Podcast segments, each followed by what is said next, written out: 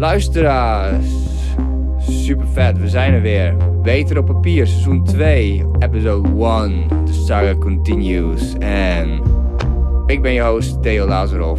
En dit is een samenwerking tussen Hans en Mag en Dat Mag, deze aflevering.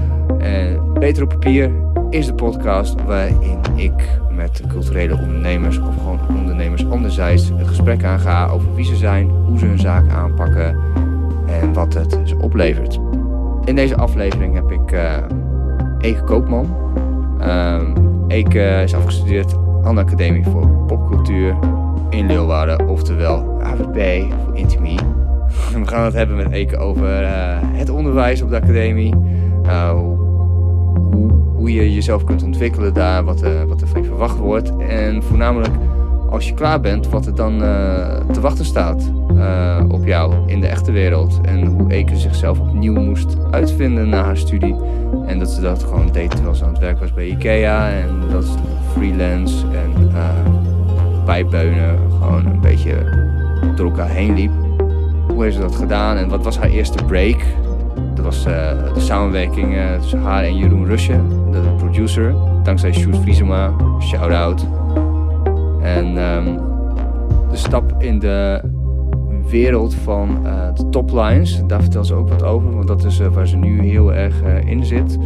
En wat het nou precies inhoudt, een topline. Dat is nou een klein tipje van de sluier. Dat is het meeschrijven aan melodieën en tekst voor EDM-nummers en producers. En vervolgens die zelf ook inzingen. Zo opende bijvoorbeeld Headhunters een show met een nummer waar zij voorkomt en die binnenkort uitkomt. En dat is Home. Nou, hoe, ze daarop reageert, nou, dat is kippenvel. Eh, je kon haar ook horen tijdens Tomorrowland 2019, want toen eh, werd het nummer Day or Night van eh, Mike Williams gedraaid. Nou, daar heeft ze ook aan meegewerkt. Hoe gaat het in zijn werk? Hoe ziet die wereld eruit? Daarnaast hebben we het over de, middelbare scholen, over sporten, over van alles en nog wat. Check die shit. Special thanks aan Dutchess voor de alcoholvrije GT. En nog even een kleine huishoudelijke mededeling. We zijn ehm, elke week dinsdag komt er een eh, podcast online op dat mag. Ehm daar zit een artikel bij met een kleine toelichting over hoe we dan eh, het gesprek aangaan. En één keer in de maand gaan we live. Dus check ons. Oh, en voor ik vergeet natuurlijk een dikke shout-out naar mijn tech team. Erik Imdoorn, Jasper Bosgaaf en Irie Weergang. Zonder eh, deze guys eh, ben ik gewoon eh hartstikke lost. Dus thanks daarvoor. En nu over onze podcast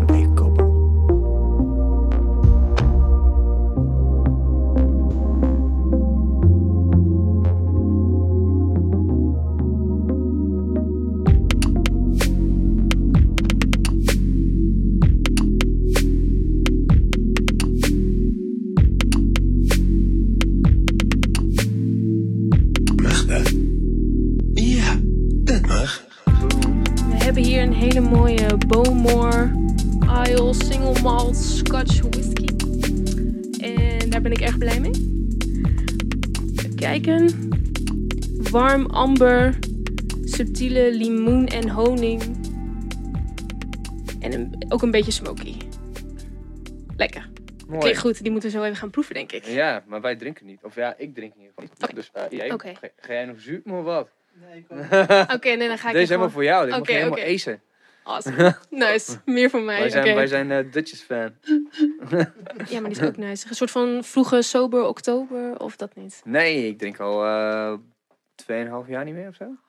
Oh. Ja, geen, eh, voordat, je, voordat iedereen denkt dat ik alcoholist ben. Nee, nee, nee, ik bedoel, nee, som- nee. sommige mensen drinken gewoon niet. Ik heb zo ook mijn periodes dat ik niet drink. Ja. Heb ik eigenlijk net ook een hele lange periode van weer afgesloten. Nou ja, heel goed. En eh, Waarom ben je weer begonnen? het, vanwege gezelligheid, zeg maar. Nu heel veel mensen die ik eh, ken en die drinken toch wel graag een borrel. Weet je wel, ik drink ook gewoon graag een borrel met mensen. Ik vind het gewoon lekker. Maar ik heb gewoon van die fases. Dat ik gewoon even gezond wil doen en geen alcohol wil.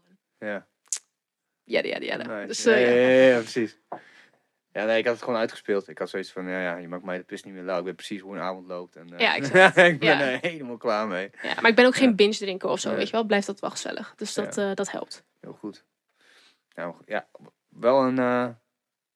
eh, heel, wat, ik, wat ik heel, in, eh, ik weet niet of jij dat ook hebt ervaren toen je dat niet deed, zeg maar. Hoe lang, hoe, hoe- wat voor periodes heb je het eh, niet gedronken? Hoe lang? Dus je max? Mm, dan hebben we het over een half jaar. Dit was denk ik het Oh, langste. Ja, precies. Maar heb je dan niet dat je dan in één keer het ook echt merkt wat voor impact het heeft gehad? Zonder... Ja. Ja, zeker wel. Ja, te gewoon meer helder, fitter. eh, Sneller denken. dat ja, beter, beter slapen. Ja, dat, dat denk ik. Gewoon alles is net even wat beter. En ik, ik viel er ook altijd van af als ik stopte met drinken. Eh, want je houdt toch blijkbaar best wel veel vocht vast als je, als je drinkt.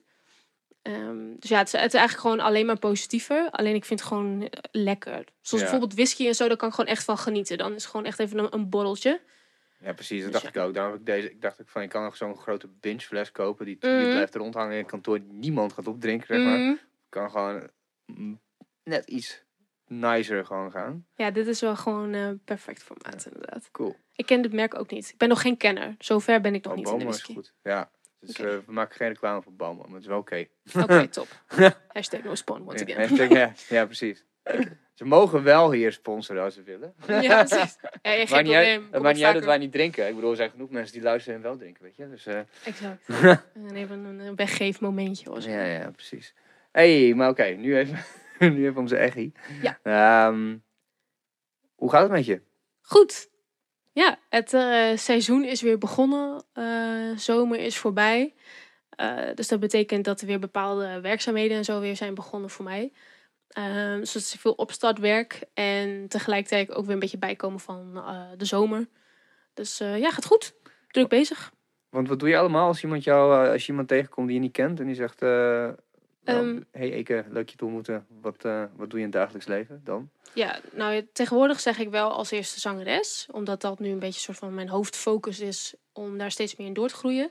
Ehm, en ook natuurlijk dat ik eh, freelancer ben en bij eh, onder andere bij Pop Groningen communicatie en marketing doe. Dus Pop Groningen noem ik eigenlijk ook altijd meteen. Want dat is toch ook een groot deel van mijn week en een groot deel waar ik mijn energie in steek. Dus ja. En wat doe je daar precies bij Pop Groningen? Eh, ik ben daar eigenlijk een beetje de, de communicatie, eh, alles. Dus, eh, Dus ik hou eh, contact met mediapartners, maar ik zorg ook voor de social media. ehm, dat de boel een beetje in beeld komt eigenlijk. Dat als we evenementen hebben, dat mensen daarvan afweten. Ehm, ja, eigenlijk gewoon de boodschap overbrengen in alle in ja, alle jij zin. bent als, als iemand reageert zeg maar op een Pop Groningen bericht Ja. of zo, dan ben jij dat. Ja, en als ik een stagiair heb, dan kan het ook een eh, stagiair zijn, maar eh, in principe ben ik het. Ja. Want jij bent, ik kan me nog herinneren van, ja, misschien is het dat is wel lang geleden, vijf jaar geleden kan dat of zo? Ja, Dat zou kunnen. Ja, dat, eh, dat ik nog studeerde voor de Pop, Pop Groningen Talent Award. Ja. En toen was jij degene die ons natuurlijk al die papieren gaf en een beetje Ja, ons leidde. Klopt. Toen was dat jouw stage. Klopt. Ja, en je bent er uiteindelijk blijven hangen. Ja, nou ja, ik ben, daarna heb ik, ben ik natuurlijk gaan afstuderen. Dat was mijn stage inderdaad bij Pop Groningen. En eh, toen was eh, Frank de Boer was dan mijn begeleider. Hm. En nu ben ik dus eigenlijk Frank de Boer, zeg Oh ja, shout-out Dus, naar Frankie. Ja. Frankie die is hier ook al een keer geweest. Ja. Dus eh, check zijn podcast ook. Ja. Ehm, ja, dus toen ben ik een jaar tussenuit geweest. Studeren, afstuderen. En ongeveer anderhalf jaar later zo ben ik toen teruggekomen. En toen kwam er een plekje vrij. En eh Sjoerd, Sjoerd Nijland, zeg maar de eindbaas bij eh, Pop Groningen, die wees me daarop. En sindsdien eh, ben ik er eigenlijk weer. Dus dat is nu bijna twee jaar, denk ik. Dat is wel lang. Ja. Ja, het gaat snel. Gaat echt snel. ja. En je bent afgestudeerd op de Popacademie? Ja. En wat... ja, we- kwamen er echt net voordat van deze uitzending begon, kwamen we erachter, kwam ik erachter dat jouw vader ook muzikant is. Dus de appel valt niet ver van de boom in dit geval. Ja. Dan kun je een beetje vertellen hoe je, hoe je ervoor gekozen hebt om die kant op te gaan, zeg maar. Als, Ja, zangeres. zeker. Het is, eh, het is eigenlijk wel grappig, want eh, bij de Popacademie heb ik geen muziek gestudeerd. Heb ik vormgeving gedaan. Het is nu eh, allemaal bij elkaar gegooid, omdat heel veel studenten daar toch wel wat crossover projecten doen. Ehm, maar ik kwam daar als vormgever. Maar ik ben dus inderdaad opgegroeid met muziek. Mijn vader die maakt muziek en eh, mijn moeder ook. Ze hebben samen ook best wel een poosje in een band gezeten. Ehm, en dus ik ben echt opgegroeid met veel muziek en meegaan naar optredens en zingen en repetities.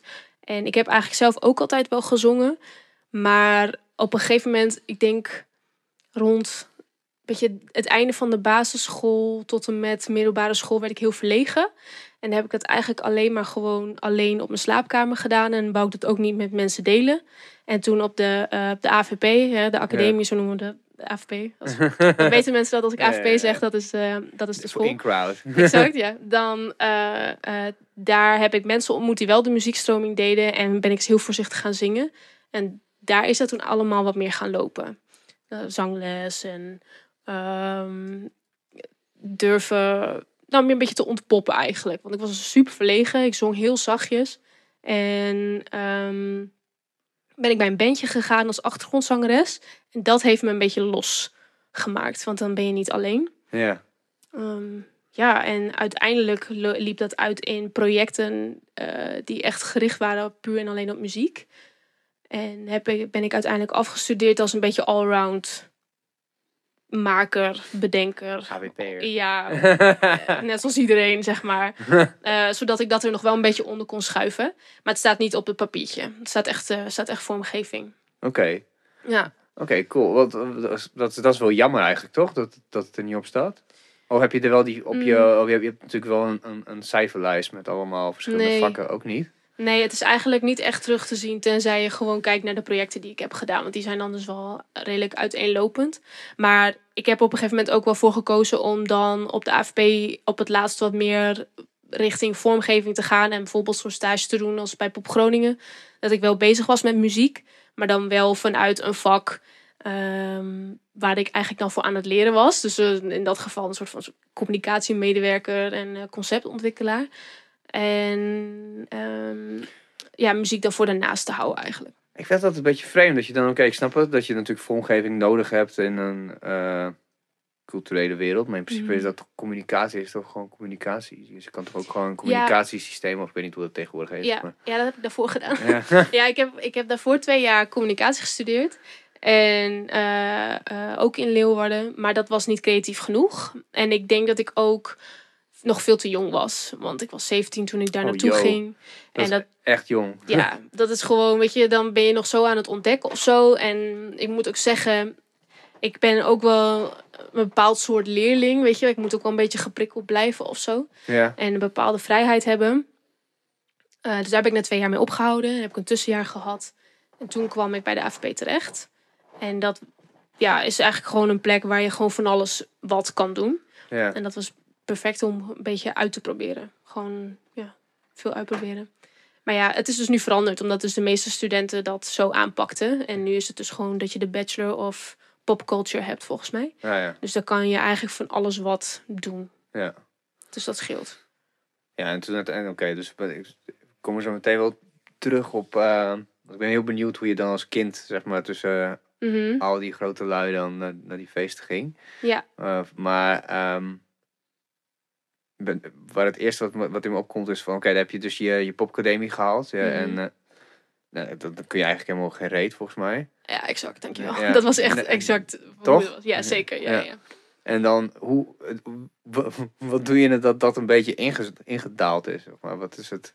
ja, indalen is denk ik wel de juiste, de juiste term of zo. Want vlak nadat ik afgestudeerd was, ehm, raakte ik eigenlijk een beetje zo in de put van... oh jee, wat moet ik dan nu doen met mijn leven? Want eh, het heeft ook wel, zeg maar, zo'n opleiding, zo'n opleiding als de AFP is nog best wel nieuw.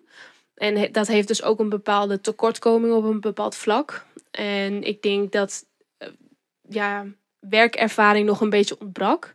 En ik heb eerst gewoon heel keurig bij de IKEA een baantje gehad. eh, voor in elk geval een jaar waar ik gewoon mijn geld verdiende zodat ik de huur kon betalen.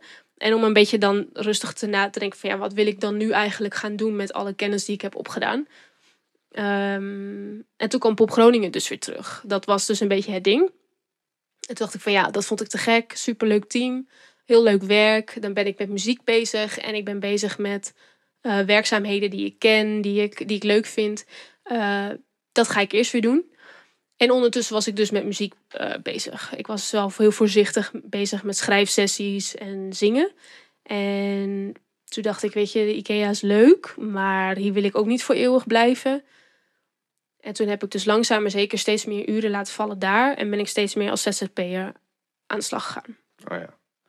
Dus het ging heel geleidelijk. Maar ik had echt even tijd nodig om bij te komen. Ja. Dat wel. Ja, dat is wel heftig. Ik vind het eigenlijk best heftig, om, om, omdat ik heb het zelf ook, ook gehad, maar dan na, wel na, ja, zou je zeggen, na academische studie waarvan je denkt van, nou, dan kan je daarna vast wel iets. Maar ik, Mhm. kon ook, ik, ik was ook echt totally lost, zeg maar, Mhm. met wat, ik heb dan kunstbeleid en marketing gedaan. Oké. Nou, dat is net zoiets waar je, waar je gewoon helemaal geen reet mee kunt. Ja, je kan zogenaamd overal aan de slag, Ja, zeg maar. ja, ja. maar... Ik kan beleidsmedewerker bij de gemeente. Nou ja.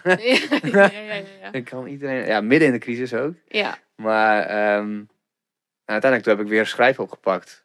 Na heel lang fabriekswerk en, en wat was het? Oh ja, eh, callcenter.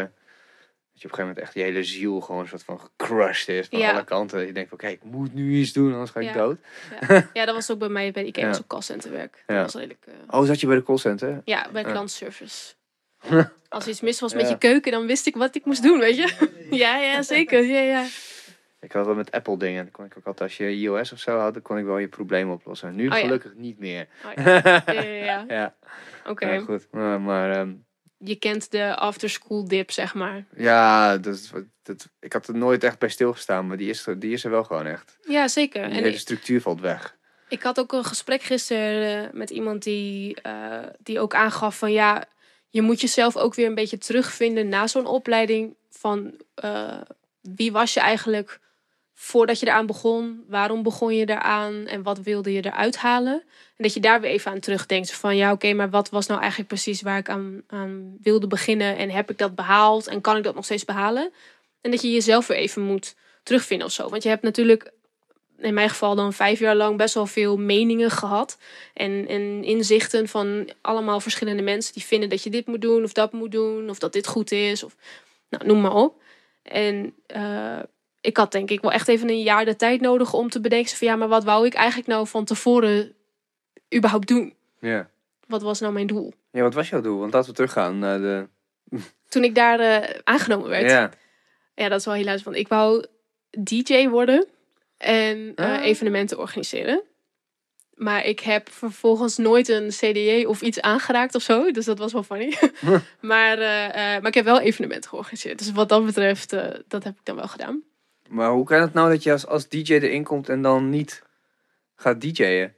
Ja, nou, dat, kijk, ja, weet je wat is? Ik, heb ook, eh, ik ben heel snel enthousiast over dingen. En ik kan ook best wel obsessief zijn over iets. Ja. En ehm, toen ik daar net kwam, toen werkte ik nog eh, eh, bij de Shadrach. Ja. En was ik heel veel in het nachtleven. En was ik heel veel bezig met muziek en muziek draaien en nieuwe muziek vinden.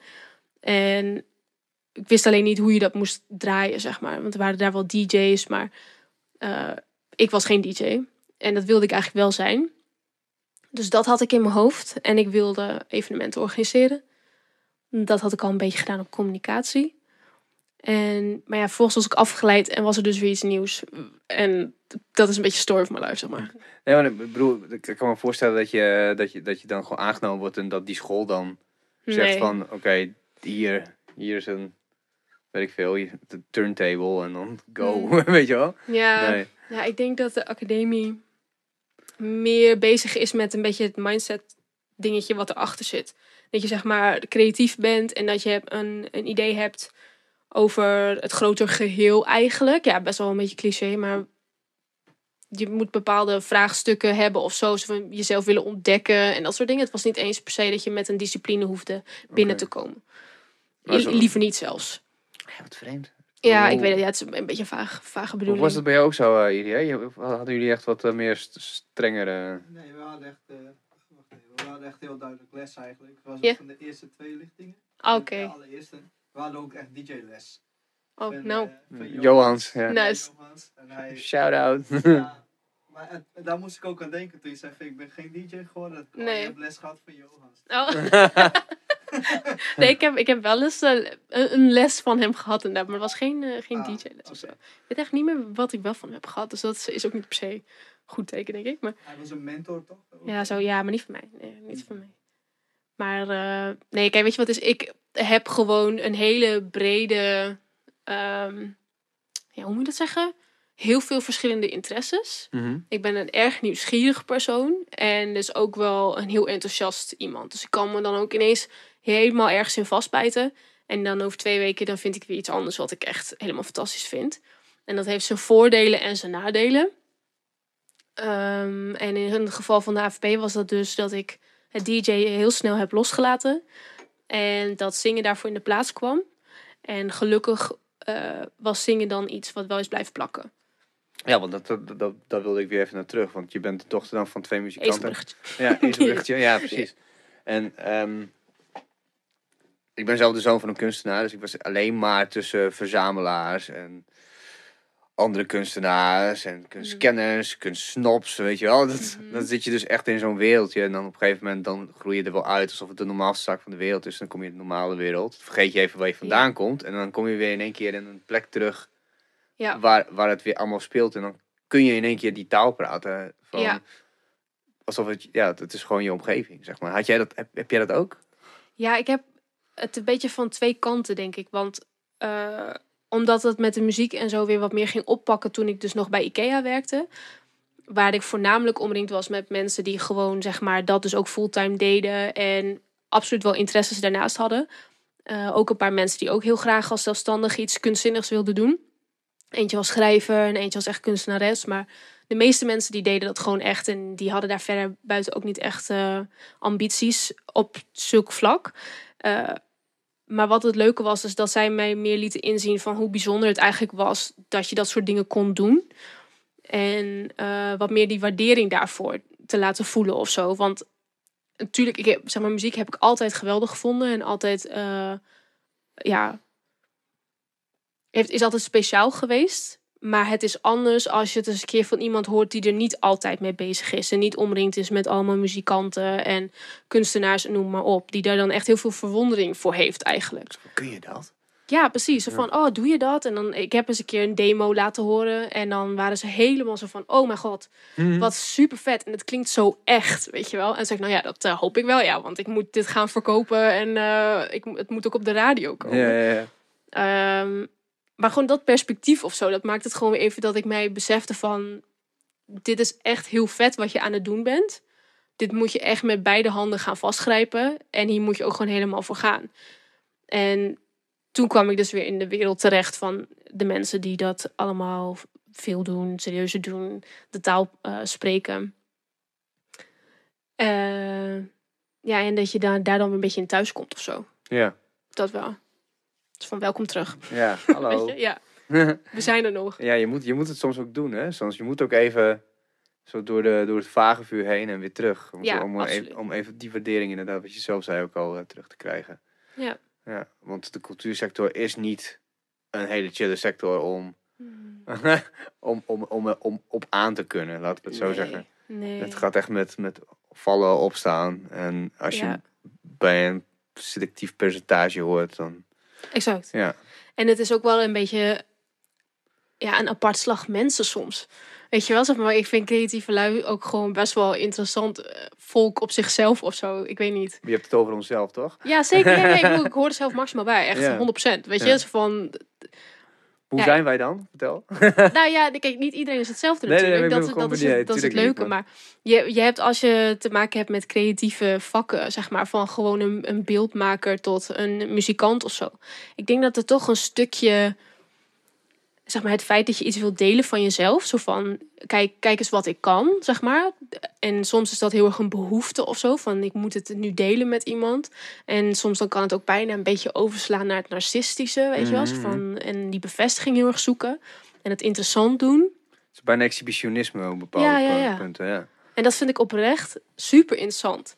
En eh, daarom ben ik denk ik wel heel blij dat ik in het noorden woon. En in zeg maar de noordelijke omgeving werk voornamelijk. Want ik heb het idee dat we weer toch wel wat nuchterder onder zijn. Of zo van, ja, dat doe ik, maar ah, gewoon normaal. Weet je wel, Ja, zo. weet minder, Ja, precies. Ik kon zeker minder. Ja, ik heb weer wat verkocht, maar Ja. wel zo, weet je. Nee?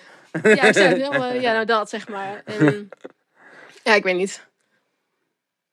Beetje van die stereotypes of zo. Ja. Die kom je soms wel tegen. Ja, ja, precies. Degene, ik ik kwam laatst iemand tegen eh, op een eh vrijgezellenfeestje. Dat was het eh, broertje van, van de bruid. En we, Het was wel grappig dat hij, hij woonde dan een tijdje in Amsterdam. En toen begon ik een beetje te- voor de grap een beetje te knauwen. Mhm. En toen zei hij, oh, dat heb ik dit gemist. Ja, ja, oh, dat heb ik dit gemist. En zei ze van, ja, mijn vriendin die snapt het helemaal niet. Want ja, ik weet niet waarom ze het niet snapt. Ik zei van, ja, omdat we een typetje nadoen die ze niet kent. Hij zei, ja, dat is het. Dat is het. Weet je wel? Ja, de Tauwim Tomo, zeg Ja, maar. Tamo, Tamo. Ja, ja, wat, dat- ik heb ook wel eens bij het Muziekcentrum Nederland, toen dat nog bestond, daar heb ik mijn scriptie geschreven. En Ja, dan kon ik, als ik dan een beetje ongemakkelijk word, dan ga ik expres knauwen om dus dat Mhm. maskertje voor te doen. En, en niemand reageerde daarop. En dan, toen zei ik even daarna heel normaal zo van, ja, ik eh, ga straks naar Groningen, ja. En het was, ja, ja, ik het noorden, want je zei ja achter je zin. hartstikke mooi. Je zei je zin, en ik zei van, yo, gast, ik heb echt twee minuten geleden echt gewoon een soort van vijf minuten lang lopen knauwen als een boer. En dat, dat valt je niet op, Ja, zeg ja, maar. Ja, ja, ja, ja, ja. Ja. Ja, dan heb je dat schept gelijk een band. ja. Ja, het is wel grappig hoor, want ik was gisteren in Amsterdam en ik kom nog niet heel vaak in, eh, in de Randstad en zeg maar het Westen, zoals ik Ja, het ja. altijd noem, zeg maar. En, eh, en op een of andere manier, ik voel me toch altijd wel een beetje een boerinnetje als ik daarheen ga, weet je wel? Zo van, ik stond dan bij een metrostation, nou, ik ga dus ook niet vaak met de metro, weet je wel? Gewoon van dat soort, gewoon dat soort Ja, dingen. ja, ja. En dat ik met eh, die meid zei, waar ik, waar ik samen mee eh, naartoe ging, dat ik zei van ja, heb jij dat dan ook? Dat je dan die grote gebouwen ziet en al die nieuwe flats en zo. En dat je je gewoon een klein beetje een boerin voelt, weet je? En dan ga ik automatisch gewoon knauwen om eh, mijn eigen stereotypen te, uit te vergroten. Ja. Omdat ik me dan een beetje ongemakkelijk voel. ja, precies. Ik heb precies hetzelfde. Ja. Zo van ja, ik kom uit het noorden. Nee, ik kom niet zo vaak in het westen. Ik voel me inderdaad een beetje opgelaten, dus laat ik het dan ook maar gewoon aandikken, weet je? ja. Maar ja, boeien. Nou, moet je gewoon vaak naar Rotterdam. Dat is volgens mij veel meer Gronings. Ja, in Rotterdam krijg ik hele goede vibes van. Ja, ik ook. Vind ik echt een hele, hele chille stad. Ja, fuck 020. Nee. Want wat was het nou, dat, dat internetgekkie? Zo van, eh, nee, beter hè? Nee, Eh. beter hè? Ja, beter hè? Ja, ik weet, ik weet echt exact welke je bedoelt. Ja. Terwijl je zou denken, want als je binnenkomt bij Rotterdam is het super futuristisch. Ja, maar dat maakt het juist zo, Ja. zo vet, zeg maar. Dat het zo Mhm. heel, heel groot en heel Mhm. veel ruimte. En Ja. nou ja, goed, je kan een beetje ademen in Amsterdam. Zo, zo, pap, pap, pap, pap, heel snel. Heel druk. En dan, eh, en dan al die futuristische dingen. En dan kom je bij een, bij een kraampje en dan is die gast gewoon pap, pap, pap. Weet je wel, er is Exact. gewoon geen gezeik. Gewoon niet hem maar poetsen. Omgaan, ja, precies. Zo, wat moet je hebben, weet je. Zo, Ja, oké, ja, ja, ja. eh, ja, dit, oké, bam. En ik vind Rotterdam is ook wel gezellig. Ik vind eigenlijk, ik vind eigenlijk iedereen wel gezellig. Ik vind dat elke plek in Nederland wel een beetje zijn eigen charme heeft of zo. Qua mensen en accenten. En Ja. gewoon, ik vind het wel leuk. Ik kan er wel van genieten. Ja, ja ik ook wel. Ik, kom, kom, ik ben ook op een gegeven moment achtergekomen dat het echt verschil is, zeg maar. Exact. Ook in gezichten, zeg maar. Er is een, 100%. ja, dat, eh, dat als je voorbij Zwolle bent, dan is, heeft iedereen wat rondere vormen of zo. Oh, echt? ja, hier is het allemaal Ja. wat hoekiger Ja, of zo. ja, ja, ja. Op een bepaalde manier. Friesen die hebben dan nog, nog even een andere vibe, zeg maar, qua, qua uiterlijk. Ja, zeker. En, en dat kun je in één keer zien. Oh, Ja, is- met Friesland heb ik dat ook zeker wel. Oké, dat, dat blonde Allah, maar ook een bepaalde Ja, 100%. jukbenen en, en, en een kinnetje. en Ja, ja, ja, ja. Dat zeg je, want ik bedoel, ik heb echt best wel veel tijd in Friesland gespendeerd. Ik heb ook eh, best wel veel Friese familie. Maar nu je het zegt, zie ik wel wat overeenkomsten Ja. inderdaad. Ja, en dan ben je naar beneden komt, dan wordt iedereen wat ronder. Ja, ik kan er niks aan doen. Gewoon rond. ik ga er eens op letten. Ja, De volgende keer ga ik op letten. ja. Maar waarvoor was jij in Amsterdam? Ik ging eh, naar Armada toe. eh, het label. Dat is Armin, toch? Armin, Ja, dus van Armin van Buren inderdaad. Super vet. Ja. Het was de eerste keer dat ik erheen ging. Ehm, dus dat was leuk om eens een keer te, zeg maar, die office te zien, zeg maar. En ehm, het team te ontmoeten. Want wat, wat ik dus voornamelijk nu doe, is eh, topline werk. En dat betekent dat je de zang en teksten schrijft voor nummers. Eh, soms al op een bestaande instrumentaal iets. Of soms dan wordt dat er nog eh, bijgemaakt. En dus je, je maakt veel dingen samen eigenlijk met producers. Maar je ontmoet elkaar niet altijd. Ja, Ehm, dat is eigenlijk het mooie van hè, tegenwoordig, die digitale wereld. Dat je dus lekker over de hele wereld kan je samenwerken. kunt zitten. En, Ja, en je kan gewoon losgaan, Ja. zeg maar. En dan heb je gewoon met iemand aan de andere kant van de wereld heb je een samenwerking. Ja. Maar ik vond het echt heel erg tof dat ik eindelijk eens een keer iemand ging eh, ontmoeten. Ook echt daadwerkelijk. En eh dus een DJ uit eh, Noorwegen die overkwam voor een masterclass die hij ging geven. En ehm, nou, we hebben een liedje die uitkomt op zijn album eh, eind oktober, begin. Nee, zijn album komt in oktober uit. Hoe heet die man ook alweer? Nielsen? Orion Nielsen. Ja. En Zo'n ootje met zo'n streepje dat- ja, het is Eh, met, eh, ja, dus ik zeg het waarschijnlijk verkeerd. I'm so sorry. Orion, Orion. wat zei je? Eh, ja, Urion is het dan misschien. Urion, ja. Ja, dat is allemaal een beetje awkward als je de naam niet eh, kan uitspreken. Ja, nou ja, het, was wel, het, het, het zag er wel... eh, ik, ik zag het op Insta. En Mhm. eh, Ja, dat moest ik even delen. ja, ja nee, natuurlijk. Vet. Ja. Ja, nee, dat was, want het was echt heel gezellig. Het was echt heel leuk om hem te ontmoeten en eh, ja, met elkaar te, in gesprek te gaan, weet je. En te praten over muziek en ook afspraken te maken voor de toekomst. En ehm, ja, we hebben allebei gewoon heel erg veel zin in de release ook. Dus het is gewoon leuk om zoiets even te delen. En is dat, want je bent nu echt in een, in een niche beland, die, eh, had ik het met eh Jaap de Vries ook over, dat is, dat is, wij, ja, tenminste, we zijn allemaal nichewerkers. Mhm. En het zijn al altijd een beetje de duistere underground dingen. En in één keer... niche niche. Ja, ja, maar. precies. Ja, Ja, ja. Ja, Nou, is, is Crash Koning natuurlijk. Ik bedoel, Mm, mhm. ik, ben, ik, ik zit me in, in, meer in, in metal, hardcore, zeg maar. En, nou, en dan kom je dus in, in de popcircuit Mhm. terecht. Hoe is dat? Hoe is, het, hoe, is, hoe is het daar buiten de grotten? Zeg maar? Ja, ja, ja, ja, want het is wel grappig, want ik had er eerst ook wel een beetje een soort van vooroordeel over, denk ik. Mhm. Want helemaal, zeg maar, uit mezelf ben ik meer van de R&B, eh hip-hop en nou ja, verder ook wel elektronisch trouwens hoor. Ik heb ook altijd wel heel veel elektro geluisterd. Maar dat is een beetje wat ik deed. En ik dacht dat pop soms gewoon echt heel erg zo formule werken was. En gewoon allemaal gericht op verkoop. En ehm, super, super mainstream, zeg maar. En eh EDM was dan voor mij een beetje het grijze gebied. Zo van, volgens mij is dat hetzelfde als pop. Maar ik weet het niet helemaal zeker. En ik moet zeggen dat het me echt zeker meer bevalt dan ik had verwacht. Hoe dat wereldje werkt of zo.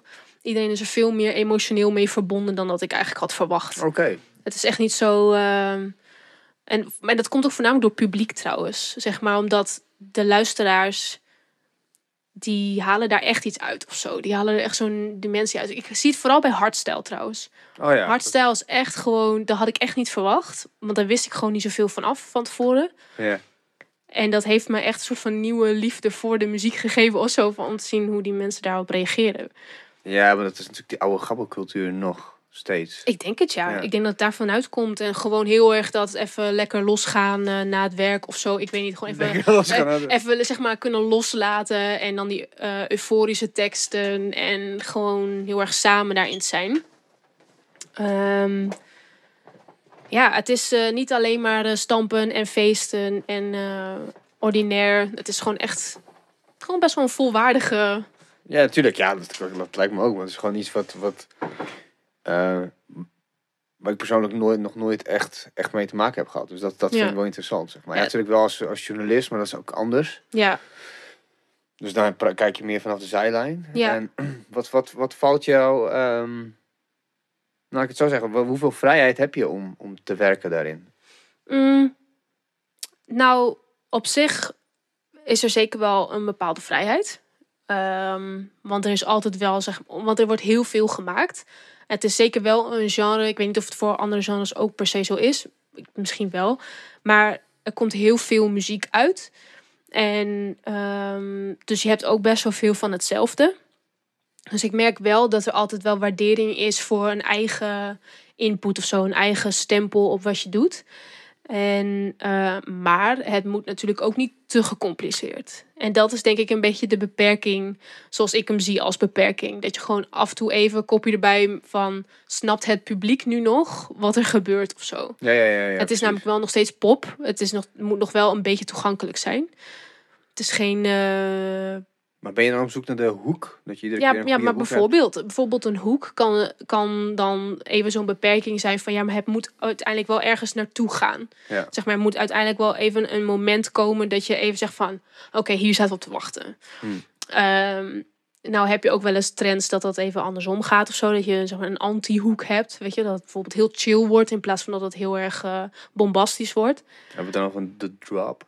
Ja, precies. Nou ja, kijk, ehm, het beste ik- voorbeeld. Ik zeg alsof ik, het een, alsof, ik een mogol ben. Nee, nee, nee, nee, maar, ja, nee, maar ja, Ja, een drop. ja, Iedereen, weet ja, je, in, in de, weet je, in de EDM is zeker een drop, zeker een ding. Want bijna elk genre heeft dat, weet Ja, ja. je. Dat gewoon de beat even zijn ding gaat doen. Maar je ziet nu volgens mij wel een bepaalde eh, stroming van house, zoals Future House en zo.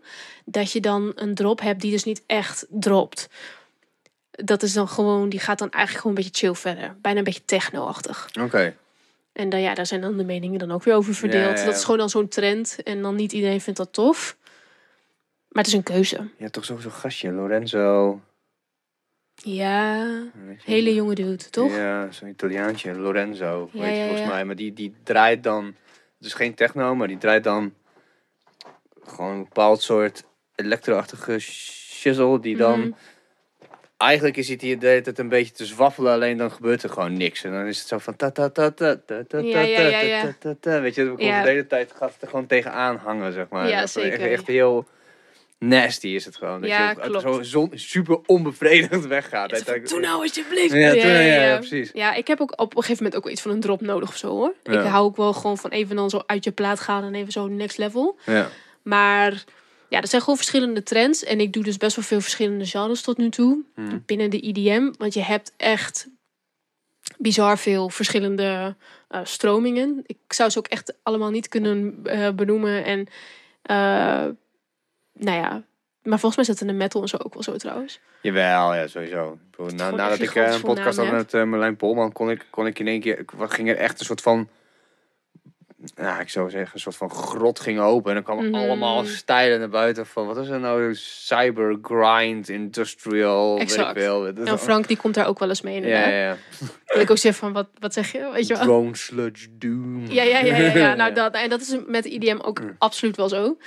Ehm, maar dat biedt dus wel veel mogelijkheden. Het is wel zo dat, het, eh, dat ik veel verschillende dingen heb mogen doen nu al. Maar dat is voornamelijk nog veel achter de schermen hoor. Dat is, dat is een beetje het dingetje wel. Het is alsof ik heb best wel wat demo's gemaakt. Er zijn ook al best wel wat eh, samenwerkingen ontstaan. Maar nog niet alles is natuurlijk nu al voor het publiek. Dus eh, ja, Maar hoe ben, je, hoe ben je hierbij gekomen? Hoe gaat zoiets? Ehm, ja, ik ben hier mee begonnen door een project van een schoolgenoot, Sjoerd Vriesema. Ah ja, Die is ook wel een bekende in, in principe hier in Groningen. Eh, die, Stuart, eh, Stuart Mavis. ja, zeker. Nu in 020, ook te beluisteren in 020. exact, ja zeker. En eh Sjoerd Vriesema is echt een held, want die heeft me echt aan veel eh, kansen geholpen eigenlijk. Van verschillende dingen die ik heb gedaan. En een van die dingen was dus dat hij een afstudeerproject deed... waarbij hij een soort van schrijfkamp eigenlijk organiseerde een week lang.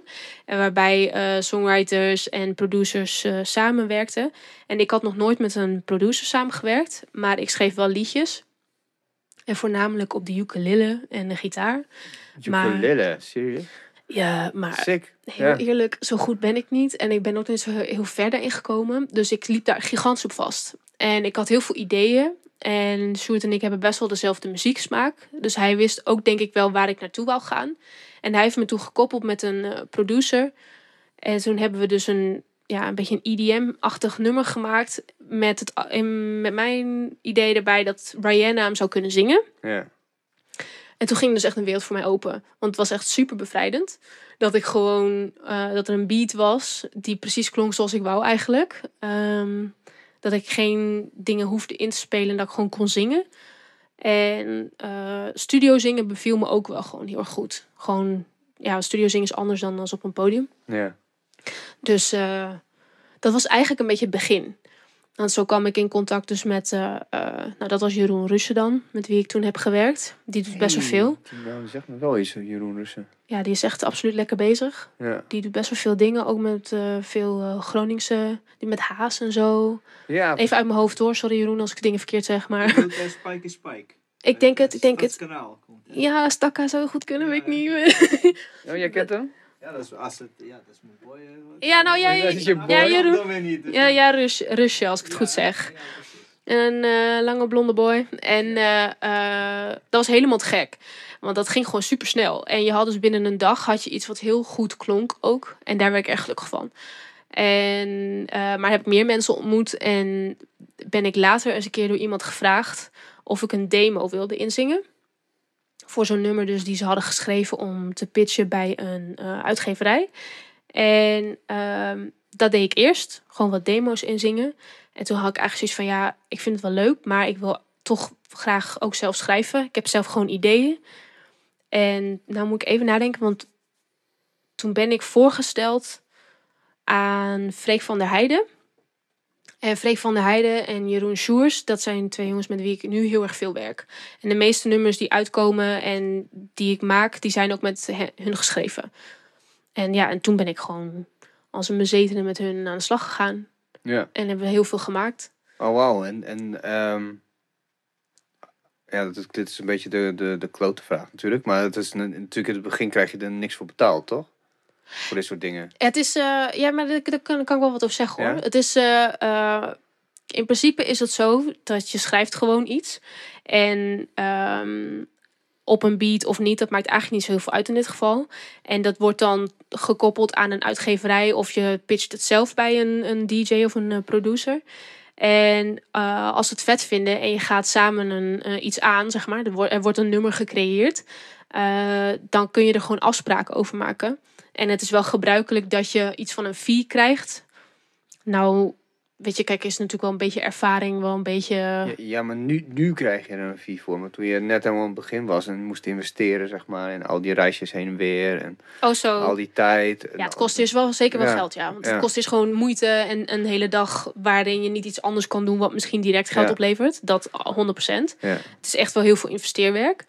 Ehm, maar het is denk ik ook wel een beetje een, een, een werkveld waarin je eerst heel veel moet maken en dat daarna dan de vruchten zich gaan, Precies, ja. gaan afwerpen, zeg het zo. Ja, het vruchten Zoiets. afwerpt, toch? Mensen weten Idee? wat ik Hoe zeggen ze dat in Mensen Brazilië? Het van oranje. Ja, want, want zeg maar, want kijk, het is dus een beetje traag. Een beetje een trage wereld, omdat mensen dus vooruit werken. Je maakt nummers en die nummers komen nooit per direct uit. Hmm. Dus we zijn altijd, zeker hoe groter de producer is, hoe meer ze zich houden aan een release schema. En daar wordt gewoon gigantisch over nagedacht. Dus je ziet sowieso nooit meteen eh, resultaat. Ja, het kan zomaar zijn dat het over een jaar is of zo. Ja, exact. Ja, ik heb eh, het zeg maar een, het allereerste nummer wat ik met Jeroen en Freek heb geschreven, eh, is ook daadwerkelijk iets geworden. En dat is al een behoorlijke poos geleden, maar die komt denk ik pas ja, ergens in 2020 eh, uit, want dat is onderdeel van een album. Wat een ander album gaat opvolgen, zeg maar. Dus dat is gewoon iets dat kan. Maar je kan eisen stellen natuurlijk, maar dat kan ook eh, gevolgen hebben voor je samenwerking. Ja. Het moet voor iedereen passen. Het moet wel leuk blijven. Maar als je op een gegeven moment op een bepaald niveau zit. En het verschilt een beetje voor iedereen wanneer je daarop zit. Dan kan je wel eh, verwachten dat je een, een flat fee krijgt, noemen ze dat dan eigenlijk gewoon. En dat is in elk geval dat je werk tot nu toe is betaald. ja. En dat is dan gewoon een bedrag die krijg je royalties of whatever. Ja. en dat ligt eraan wat er in je contract staat. Of je royalties of eh, copyright of allebei eh, krijgt.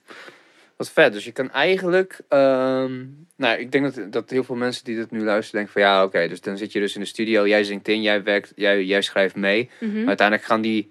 De Mike Williams en de... Mhm. eh, nou ja, Armin van Buren en Afrojack en whatever. Die gaan er mee vandoor. Die gaan er mee met hun nummertjes draaien. En dan gaat nooit, nooit iemand meer horen dat dit Eke Koopmans was. Koopman Mhm. was. Maar tegelijkertijd denk ik dat dat een hele platte manier is om, om het te bekijken. Want ik denk dat je Ja, juist misschien heel veel rust hebt om gewoon dat te Mhm. kunnen doen. Ja, het ligt er heel erg aan wat denk ik je uiteindelijke eigen einddoel is. Want ik denk dat heel veel schrijvers in deze wereld eh, ook graag zelf als artiest verder willen. En als dat het geval is, dan zullen zij ook meer gefocust zijn op dat je een featuring krijgt. Dus dat er gewoon echt staat, zeg maar, FT. punt, Weet je wel, Hmm. nou in mijn geval dan Eke. Ehm, eh, maar gewoon dat hun artiestennaam wat meer bekend wordt. Dat het op hun artiesten Spotify terechtkomt. En eh, ja, dan is dat misschien meer een einddoel. Heb jij dat? Eh, Ik heb dat tot nu toe eigenlijk nog niet gedaan. Je wordt altijd wel vernoemd bij de schrijverscredits. Dat kan je tegenwoordig altijd op Spotify terugzien. Kun je gewoon de eh, toon credits en dan sta ik er wel tussen als ik dat nummer heb geschreven. Ja. Ehm, maar ik heb er tot nu toe voor gekozen om niet daarop te staan en daarom te vragen. Omdat ik ook nog niet helemaal zeker ben waar ik als artiest naartoe ga. En dat wordt nu langzaam maar zeker, wordt dat steeds duidelijker. En nou kan ik ook bedenken en gericht bedenken dan bij wie ik dan wel of niet een featuring zou willen. En of dat past. Wat is een beetje een drone feature? Waar je Oh, eh, nou ja, kijk, ik kan heel hoog eh, gelijk. Ja, gewoon, maar mag, mag zo on... eh, ja, droom, nou ja, ik moet zeggen, om heel eerlijk te zijn, zeg maar, ik heb dus eh, een release net gehad met Mike Williams. mhm. Dat was, is eigenlijk al iets op een niveau dat ik dacht van, my god, weet je, van, daar ben ik echt al heel erg trots op. En eh, eh, als artiest was zo'n featuring bijvoorbeeld ook te gek geweest. Ehm, En Mike Williams die heeft jou nog gewoon gedraaid op Tomorrowland 2019. Ja, ja hij, heeft, hij heeft het nummer, Day or Night heet het nummer. En die heeft hij eigenlijk het hele festivalseizoen eh, heeft hij die heel veel gedraaid. Heb je ben je er wel eens bij geweest? Nee, nog niet. Ah. Nee, nog niet. Want je jezelf echt zo... nee, nee, eigenlijk niet. Eh, Want hij draait ook wel heel erg veel eh, in het buitenland. Ja. En dat is een beetje lastig eh, naartoe gaan. En ik heb ook niet veel festivals gepakt zelf. Dus Ja. dat, dat hielp ook niet. Maar misschien zie ik het nog. Misschien met de ADE of zo. Ik heb wel eens gehad dat ik dan ergens binnenliep en... nou, het was toen nog, dat is echt jaren geleden. Toen dronk ik ook nog, dus ik was nog wel re- niet een hele nuchtere stadium, zeg maar. Dus ik kwam ergens binnen en ik dacht van, oh, vet baslijntje hier. Er zat echt zo'n tijdje van, ik ken dit ergens van. Toen bleek het gewoon mijn eigen nummer te zijn.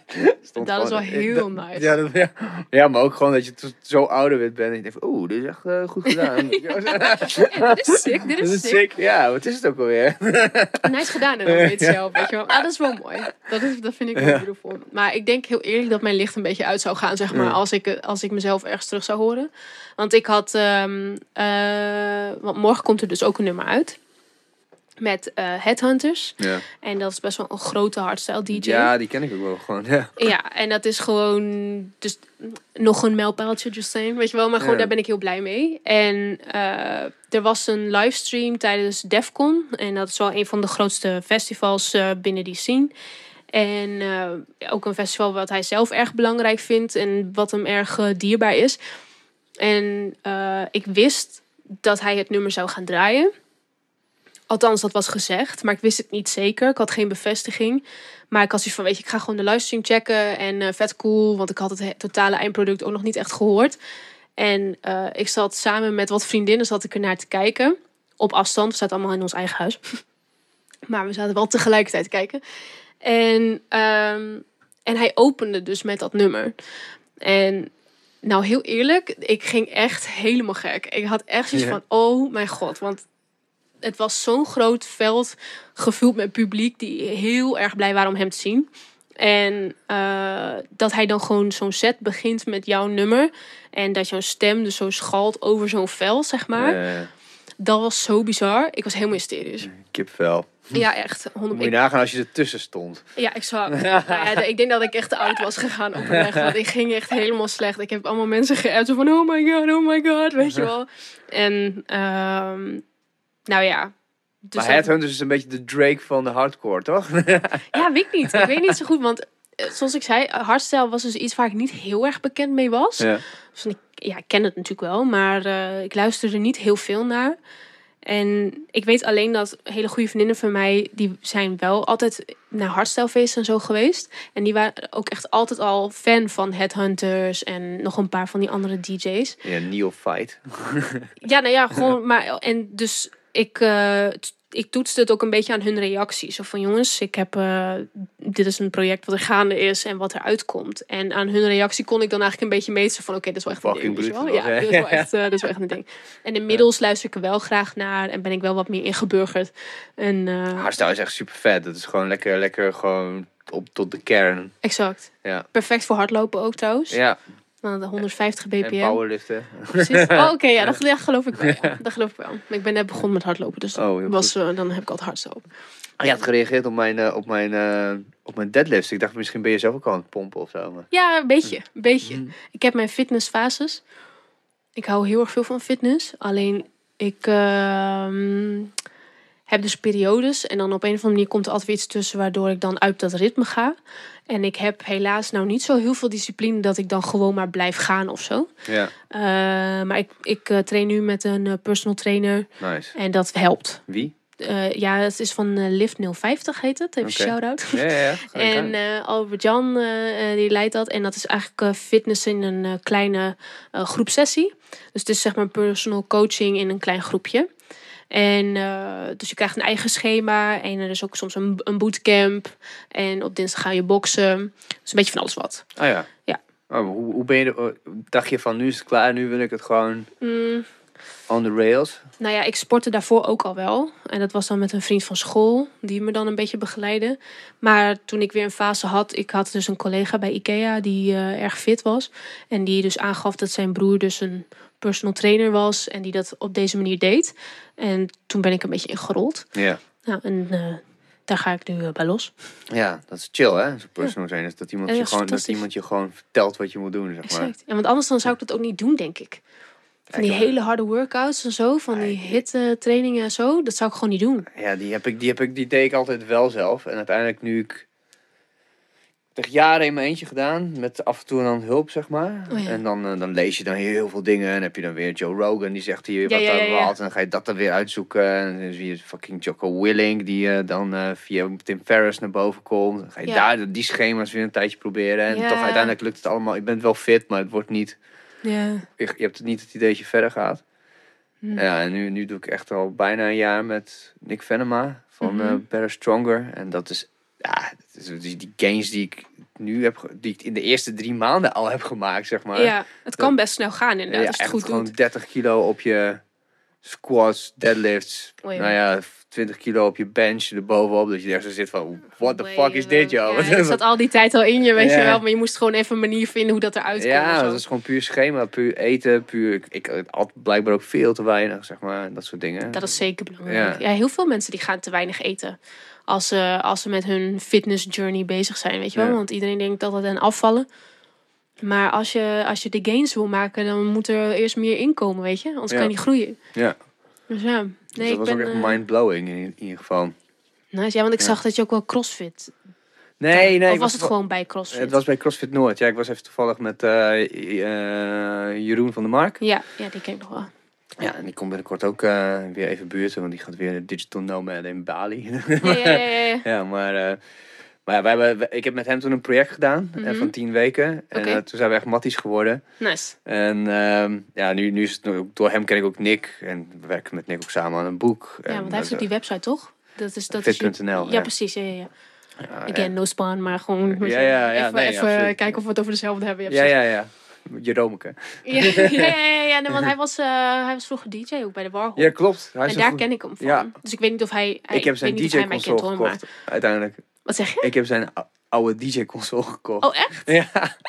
Oh, dat is wel hilarisch. Ja, ik weet nog wel dat hij ineens zeg maar, steeds groter en groter zeg maar, werd, weet je wel? ja. En dat hij toen dus heel erg bezig was met, eh met eh, fitness. ja. Ja, dat weet ik Ah, gast, echt. Dat is echt gewoon een van de meest blije lui uit de scene, zeg maar. dat is Nice. echt niet, niet normaal hoe grappig dat dat. eh, Ja.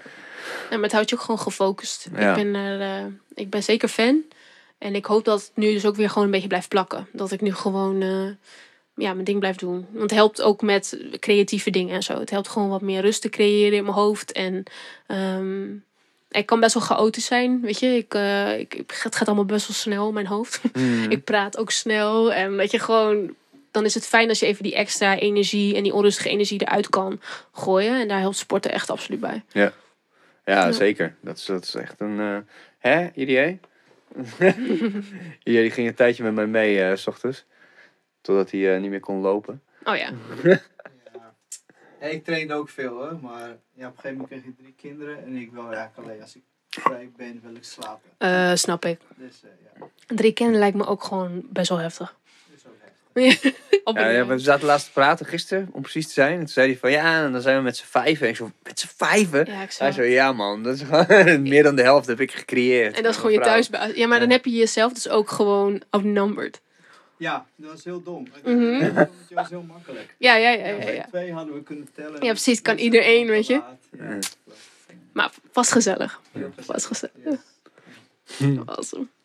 Wij waren gewoon met z'n viertjes thuis dan. Ja. Zeg maar iedereen. Dus dan, mijn vader kon dan de een, weet je wel, mijn moeder de ander. Dus dat, eh, dat kwam dan wel weer mooi gebalanceerd. Nou ja, maar je zou in principe wel gewoon zo'n stang kunnen pakken. En dan heb je aan allebei kanten een koten. Ja, als ik train, hè, dan heb ik de jongste, die is 5 kilo. Ja. Dat is Zo, 5 kilo. En dan pak ik de middelste, die is 9. En de oudste is rond de 15. Dan heb je een Dan heb je wel een goede kettlebell. Ik wou net Pak je zeggen. bij de armpjes en dan ga je zo slingeren. Klinkt ook Zo. als een hele goede opbouw of afbouw qua gewicht, weet je. Dus ik, soms gebruiken ze daarvoor. inderdaad. Je kan ze ook Nice. als zo'n als een Bulgarian eh, bag noemen, ze dat sandbag. Dan kun je hem gewoon zo eentjes om je, om je nek Op de zo. schouders, Er weet zijn je. wel mensen ook. Ja, ja, ja. Ondertussen zijn het gewoon eh, hele persoonlijkheden en alles. Weet je, willen misschien helemaal Maar niet. die vinden dat misschien wel superleuk. Ik heb wel een zwager, die is maar 50 kilo. Ja? Ja, die heb ik wel vaak gebankt. nice. ja, dat is echt niet moeilijk. Nee. Wat? zo- Je zwager is 15 kilo? 50. Oh, 50. Ja, Vind ik ook je, Oh, zo fucking... Ja, in een mandje. Top. Nou, zo Oh, in één keer helaas schiet niet het kijkcijfer zo. Wie was je aan het bankdrukken? Vertel Oh, meer, vertel meer. nice. Nou, zover ben ik helaas nu niet meer. Ik ben een tijdje niet geweest en nu moet ik echt weer even opnieuw beginnen. Maar komt goed. De games komen er wel weer. Jawel, ach man. Ja. Het enige, eh, als ik iets geleerd heb van al die jaren met, met die Chuck bezig te zijn, is dat gewoon continuïteit is gewoon je, Exact. je master. Exact. Ja, blijven komen. Exact, Ja. exact. Je hebt precies gewoon blijven gaan inderdaad. En ehm, ja, ik, en aangezien ik nu dus ook muziek een beetje aan heb gekoppeld. Zo van oké, het versterkt me in dit een of zo. Dan komt er nog wat meer waarde bij of zo. Dan Ja. alleen maar fit voelen en nou ja, beter uitzien en noem maar op. Gewoon ook beter presteren, weet je. Dat is gewoon beter. En ehm, even weer terug naar je, hoe noemde je dat? Eh, wat je doet? Eh, topline. Topline Topliner. carrière. Ja, precies. Ja, De toplines. de toplines. Eh, Ja. De, di- de Dido's. Mhm. En ehm, hoe, hoe, hoeveel, eh, hoe, hoe, hoe word je behandeld in dat wereldje als vrouw? Ben je, ben je dan, oh, dan komt het wufke even inzingen? Of is het zo van, oh yes, Nee. daar hebben we onze topper? Of, Ja, ik, het is eerder het tweede. Maar dat heb ik zo ervaren hoor. Ehm, ik heb heel erg het geluk dat ik een hele leuke club mensen om me, heen heb. eh, waarmee het ontzettend fijn samenwerken is. En dat ik echt gewoon gewaardeerd word voor wat ik doe en wat ik kan. En dat ik ook daarin alle vrijheid krijg om me uit te spreken. Nou, zoals ik zei, ik werk dus het meeste met Freek en Jeroen. Als schrijvers situatie. En ehm, nou, zij zijn gewoon echt, de echte topkerels. En ik heb nu ook gewoon best wel leuke contacten. eh, die het dan weer verder helpen, zeg maar. Die het dus bij de DJ's en de producers eh, brengen. Ik ben nergens getekend nog. Ik ben nog gewoon eh, independent. Maar eh, het kan zijn dat dat in de toekomst verandert. Dat, bekijk ik heel rustig. Maar ik doe het allemaal wel heel gevoelsmatig. Ik moet wel echt met iemand een klik hebben en fijn kunnen werken. Want anders komt er ook gewoon niks uit. Ja. Dan word ik gewoon verlegen en gefrustreerd ook. Weet je wel, tegelijkertijd. Dan werk ik gewoon niet lekker. Klik is echt belangrijk. En ik moet zeggen, als zeg, voor het hele, hele vrouwding... Misschien moet ik daar dan nog ietsje verder voor doorgroeien om dat echt het verschil te merken of zo. Ik moet zeggen dat ik namelijk voorn- voornamelijk met mannen samenwerk. Dat valt me wel op. Dat is wel gewoon, de meeste schrijvers en producers die ik tegenkom zijn, gewoon man. Ehm, en ik heb dan wel het idee dat als ik eens een keer met een andere vrouw samenwerk, dat we wel even zo van, yes, girl power, weet je wel, dat gevoel hebben. En dat we dat dan wel echt even, even uitbuiten of zo. ja. Dus ja, ik weet niet. Ik heb het idee dat, eh, dat als je gewoon de juiste mensen om je heen verzamelt, dat je geen negatieve dingen hoeft te merken. Ja.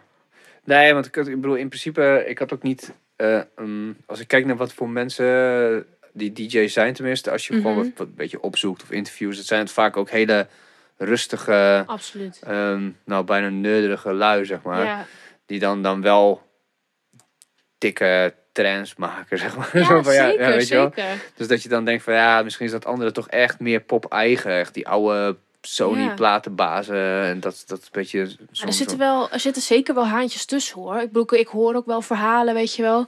Het, is, het zijn zeker wel mensen die heel erg gefocust zijn eh, op eh, het vertellen van met welke namen ze samenwerken. Weet je, zo van ja, maar ik heb een collab met die en die en bla bla. Gewoon heel erg lopen pochen. En, eh, of minachtend doen over wat jij tot nu toe hebt gedaan. Van ja, is goed, maar we praten wel als je op hetzelfde niveau zit. Dat, dat hoor je absoluut. Ja, Maar maar, Ja, dat, is- maar dat, is, dat is een bepaalde... Dat, dat, dat zou je als man ook hebben, denk ik. Ja, Mannen onder 100%. elkaar Ook, ja. Ja, 100%. Want dat soort verhalen hoor ik gewoon van mijn collega's, weet je wel. Om maar zo, ik zie ze als mijn collega's. Ja. En ehm, ja, ik weet niet. Het, het, het is wel zo dat je. eh, je hebt heel erg een keuze in hoe je deze wereld eigenlijk een beetje in wil gaan of zo. Weet je, en als je er gewoon voor kiest dat je bij jezelf wil blijven en dat je eh, het eerlijk wil doen. Dan, en dan kan het zijn dat er misschien wel eens iemand op je pad komt waarvan je hele slechte vibes krijgt. Maar ehm, als je gewoon trouw blijft aan wie je bent, om maar zo te zeggen. Ja, het, het is echt een cliché, maar het werkt, het werkt wel. En het is heel moeilijk, lijkt mij. Nou ja, het ligt eraan. Het ligt er echt aan. Want ik heb tot nu toe eigenlijk alleen maar heel erg veel positieve reacties gekregen over de manier waarop ik werk en met de mensen met wie ik werk, hoe zij dat aanpakken. En dat zij gewoon heel erg vechten voor hun eigen eerlijke deel. En ze krijgen dan ook wel eens, en ik ook wel, krijg dan wel eens te horen van ja. Je zou er nog zoveel meer uit kunnen halen, zoals geld of eh, eh, een bepaalde naamsbekendheid. Maar dan zou je daar andere principes of andere dingen voor moeten opgeven.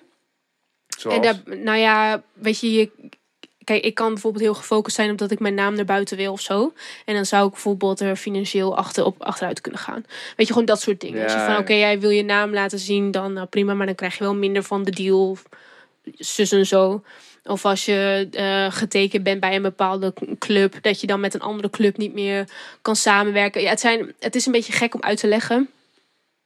Gewoon hele normale non-disclosure dingen eigenlijk bijna. Ja, Soort bij, van, ja, bijna wel. Het is gewoon. ehm, ik heb ervoor gekozen dat ik, eh, als ik met mensen samenwerk, dan wil ik eigenlijk altijd meteen de afspraak duidelijk hebben van hoe gaan wij dit doen. Oh ja. Als jij, als jij gaat schrijven met mij, zeg maar van hoe werk jij normaal? Ik stel het eigenlijk altijd als een vraag zo van welke voorwaarden werk je eigenlijk altijd?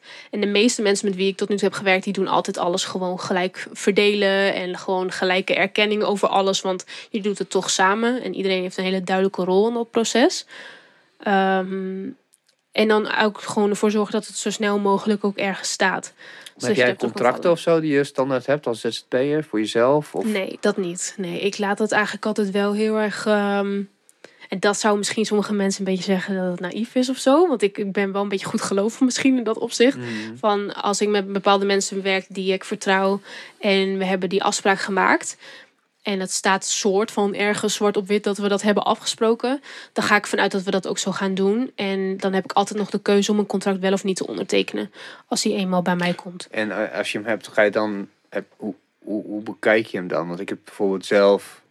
Dat is moeilijk man. Ja, ja precies. Dat Dat is net zeggen. Ja, ja, het is moeilijke taal. Ja, ik, heb, ik laat het gewoon door een vriend van mij. een- toevallig heb ik een goede vriend van mij die jurist Ja. is. Dan laat ik het gewoon lezen. En die haalt er mee. meestal echt shit, shit uit waarvan ik denk van, oeh ja, je hebt gelijk. maar, maar, ja, shit man. De eerste keer dat ik een contract kreeg, ik, eh, de tranen schoten in mijn ogen, zeg maar. Dus als van, ehm, ook, want toen was het even zo'n, ga ik nu voor de fake it till you make it, zeg maar? Of ga ik nu gewoon eerlijk zeggen van, ik begrijp hier echt helemaal geen hol van. En dat stond helemaal vol met gewoon juridische jargon. Ik dacht van, oh my god, ik weet echt niet wat ze nu zeggen. En het zou me zo kunnen dat ik iets wegteken en dat, dat, dat het helemaal niet oké is. En ehm, toen heb ik een, eh, eh, een contact via Pop Groningen ingeschakeld. Zo van, ja, hey, ehm, ik heb dus een contract, maar ik snap hem niet helemaal. Eh, en die heeft het toen voor mij gecheckt. En die heeft gezegd van, je kan het altijd gewoon vragen. En die heeft toen ook een beetje duidelijk uitgelegd van... luister, dit is een, echt een standaard contract. En als het zus en zo staat, dan is het wel oké. Maar gelukkig is er nu altijd een, eh, een onderhandelaar die dat doet. ja. Dus die checkt of het klopt. Oh, je hebt een tussenpersoon nu. Ja. Ja, dus dat is, eh, dat is wel fijn. Want die snapt dat, die snapt de taal. En die durft ook de tanden erin vast te zetten. Hoef ik dat niet te doen. Dan kan ik gewoon focussen op mijn creatieve stukje. En niet zeg maar vijanden te maken met iets te eisen. Weet je wel, gewoon mijn ding doen. En die vraagt dan, ben je daar oké mee? ja. Dit is, het, dit is de deal zoals die nu staat, ben je daar oké mee? Ja. ja, een vriend van mij die vertelde ook dat hij eh, altijd eh, dan eh, tegenover zijn advocaat zat. Zei ik wil dit en dat en zus en zo en bla bla bla. En dat die man Mhm. alleen maar zo zat, tuk tuk tuk tuk tuk. Alleen maar gewoon in vakje, gewoon, gewoon dat, die bullshit die die ene Mhm. dude aan het zeggen was. Gewoon vertalen in, in strakke zinnetjes en Oh, eh, artikelen en whatever. Ja. nou, ik ben heel erg gewoon, zeg maar, pro-Jip en Janneke taal. Ik heb gewoon zoiets van, weet je, waarom moet het allemaal zo... Kan dat niet gewoon zoals het is, weet je? Want kijk, dan staat het er zo moeilijk neergezet... dat ik echt zoiets heb van, ik werkelijk waar geen idee wat hier nu staat. En dan legt iemand mij uit en dan denk ik van, ja, maar waarom staat het dan niet op die manier?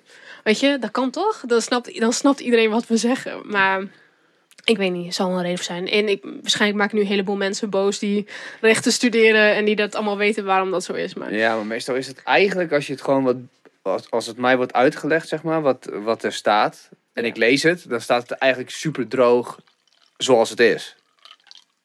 Snap je? Ja. De- Ja, daar heb je, ja, ik snap dat- wat je bedoelt. Dus sowieso vakjargon is het uiteindelijk niet. Nee, oké. Het ja. vakjargon is hem in de droogte van de stof. Ja, misschien is het dat het. Het is gewoon, maar, het- maar het lijkt heel erg. ehm ja, bijvoorbeeld, je moet net, dan net weten dat D.D de dato is of zo. En wat dat dan Ja. betekent. Weet je, dat van die kleine dingetjes. Maar ja, goed, dat als je dat snel, snel onder de knie hebt. Doe Ja. maar een klein voorbeeldje. Maar dan. Uiteindelijk ga je het lezen en is het zo van ja, hoe kan ik zo strak mogelijk iets zeggen zodat, Mhm. het, zodat er geen dubbelzinnigheid Ja, in dat, zit. maar dat zal het zijn inderdaad. Ja. Ja, dat zal het zijn. Ja. Ja, weet je, er is, er is 100% natuurlijk wel weer een goede reden voor. Maar ik laat ze ook lezen, dus ik bedoel- Ja, ja nee, maar weet je, ik snap het echt helemaal. Ja. Maar ik ben ook heel erg team eh, uitbesteden. Ik vind dat eh, iedereen is eh, goed in een bepaald soort vak, weet je. En, en ik vind eigenlijk altijd dat je de specialist aan, aan, de, aan de slag moet laten gaan. Ja, precies. Want anders Want, je, je kan beter gewoon focussen op je eigen. Ja, exact. Weet je, uiteindelijk denk ik van, eh, dan kan die dat beter doen. Zoals, weet je, boekhouding. De boekhouders zijn er voor een reden. Laten we hun losgaan. Nee, denk je. Ik ben oké. Ik heb nog... eh Hey, heb je uh, de whisky nog helemaal niet nee, die heb ik nog niet helemaal niet aangebroken. Zal ik, zo, ik zal deze wel even Ja, at hem even. Achterover gooien.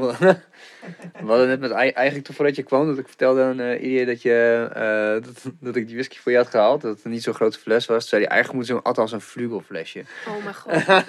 Ja, ik ben dus echt niet goed in dat soort praktijk hoor. Echt. Nee, dat moet je ook niet doen. Ik ben eigenlijk gewoon low-key wel een klein beetje mietje als het gaat om, eh, om alcohol. Maar ik kan eh, gewoon een whisky erg waarderen.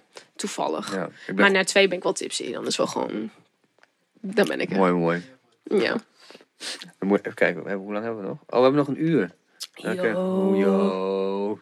Die zat. Prima. Ik heb altijd wel wat te vertellen. Nou, dat komt, Oh, nou, mooi. nee, dat komt wel goed. Ik, moet, Ja. ik kan deze alleen niet atten. Nee, dat moet ook niet doen. Doe maar, eens ik- gaan. Ik moet echt zeggen, ik ben erg onder de indruk. De Dutch is smaak. 0.0 GNT. Ja, maar echt. Want je proeft het wel. Het is net even wat zoeter of Dat is zo. ook droger aan je tandjes. Dat is, dat is dus de, de gin. Als je een slok Ah. neemt, zoals ik nu doe. Mhm. En ik zeg. Too real, too real. Ja. Ja, en, en het blijft, en je- het it grows on you. Dat had ik bij het, in het begin. Want er moet even bij gezegd, een vriend van mij die, ehm, een, eh, een vriend van mij die eh, werkt hier aan mee. Het is, Mhm. Een van zijn beste vrienden heeft dit op de markt gebracht. Nice. uit Kaapstad. En ehm, ik, had een, ik, ik wist, ik, ik weet al jaren dat hij hiermee bezig is. Hij heeft gewoon die fotoshoot gemaakt. eh, en eh, nou, hij, heeft het zelf, hij is zelf fashionfotograaf. Ja. En door omstandigheden eh, had hij, was hij even gewoon dat, dat hij iets anders moest doen. En toen zei die vriend van hem van, joh, maar wij hebben dit bedrijf nog samen, Ja. zeg maar. Zo van, Ja, jij ja. hoort hier ook nog gewoon bij. Je- waarom ga je niet, niet even hiermee bezig, zodat je weer even je focus gevonden Mhm. hebt.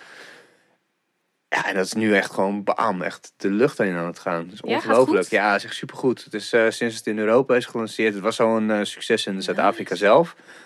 Want ze hebben eerst een, eh, ja, ik weet niet of ik het goed zeg, maar Zuid-Afrika heeft een soort van mixdrankje. Een soort van rum met cola-achtig iets. Oké. Ik weet niet precies wat, hoe, het, hoe het heet. Maar dat heeft die jonge, Johannes heet die, eh, heeft het op de tap weten te zetten.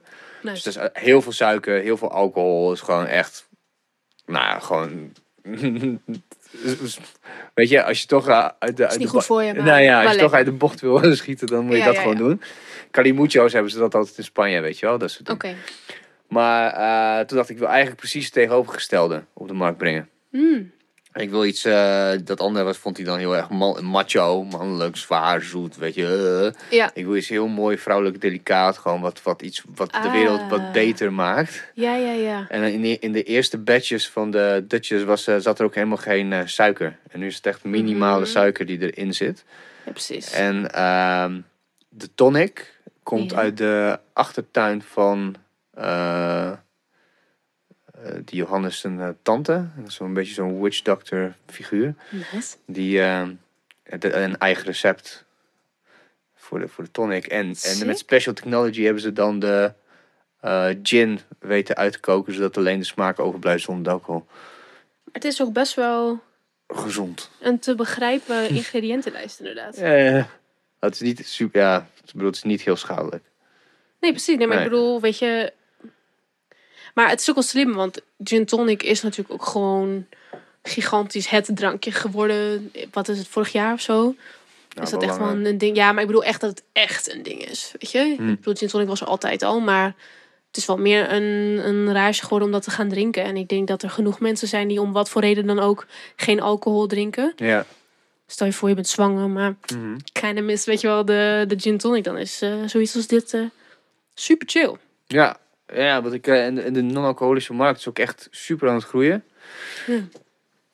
En volgens mij zijn, eh, is de Dutchess, de, de- wat dat is bijz- bijzonder aan de Dutchess is, is dat het ehm, marktleider is eh, van non-alcoholische alcohol. Oh, wauw. In de zin van, als je dit gaat zoeken... Ook met biertjes en zo. Nee, dat niet. Het is alleen dit. Maar als, je, als je gaat zoeken in de Oud Hein, dan staat dit niet bij de tonic. Oh. Dit staat bij de mixdrankjes naast de wijn. Nice. Dus dat is, dat is wel echt een, een verschil. Zeg maar. Nice. Ja.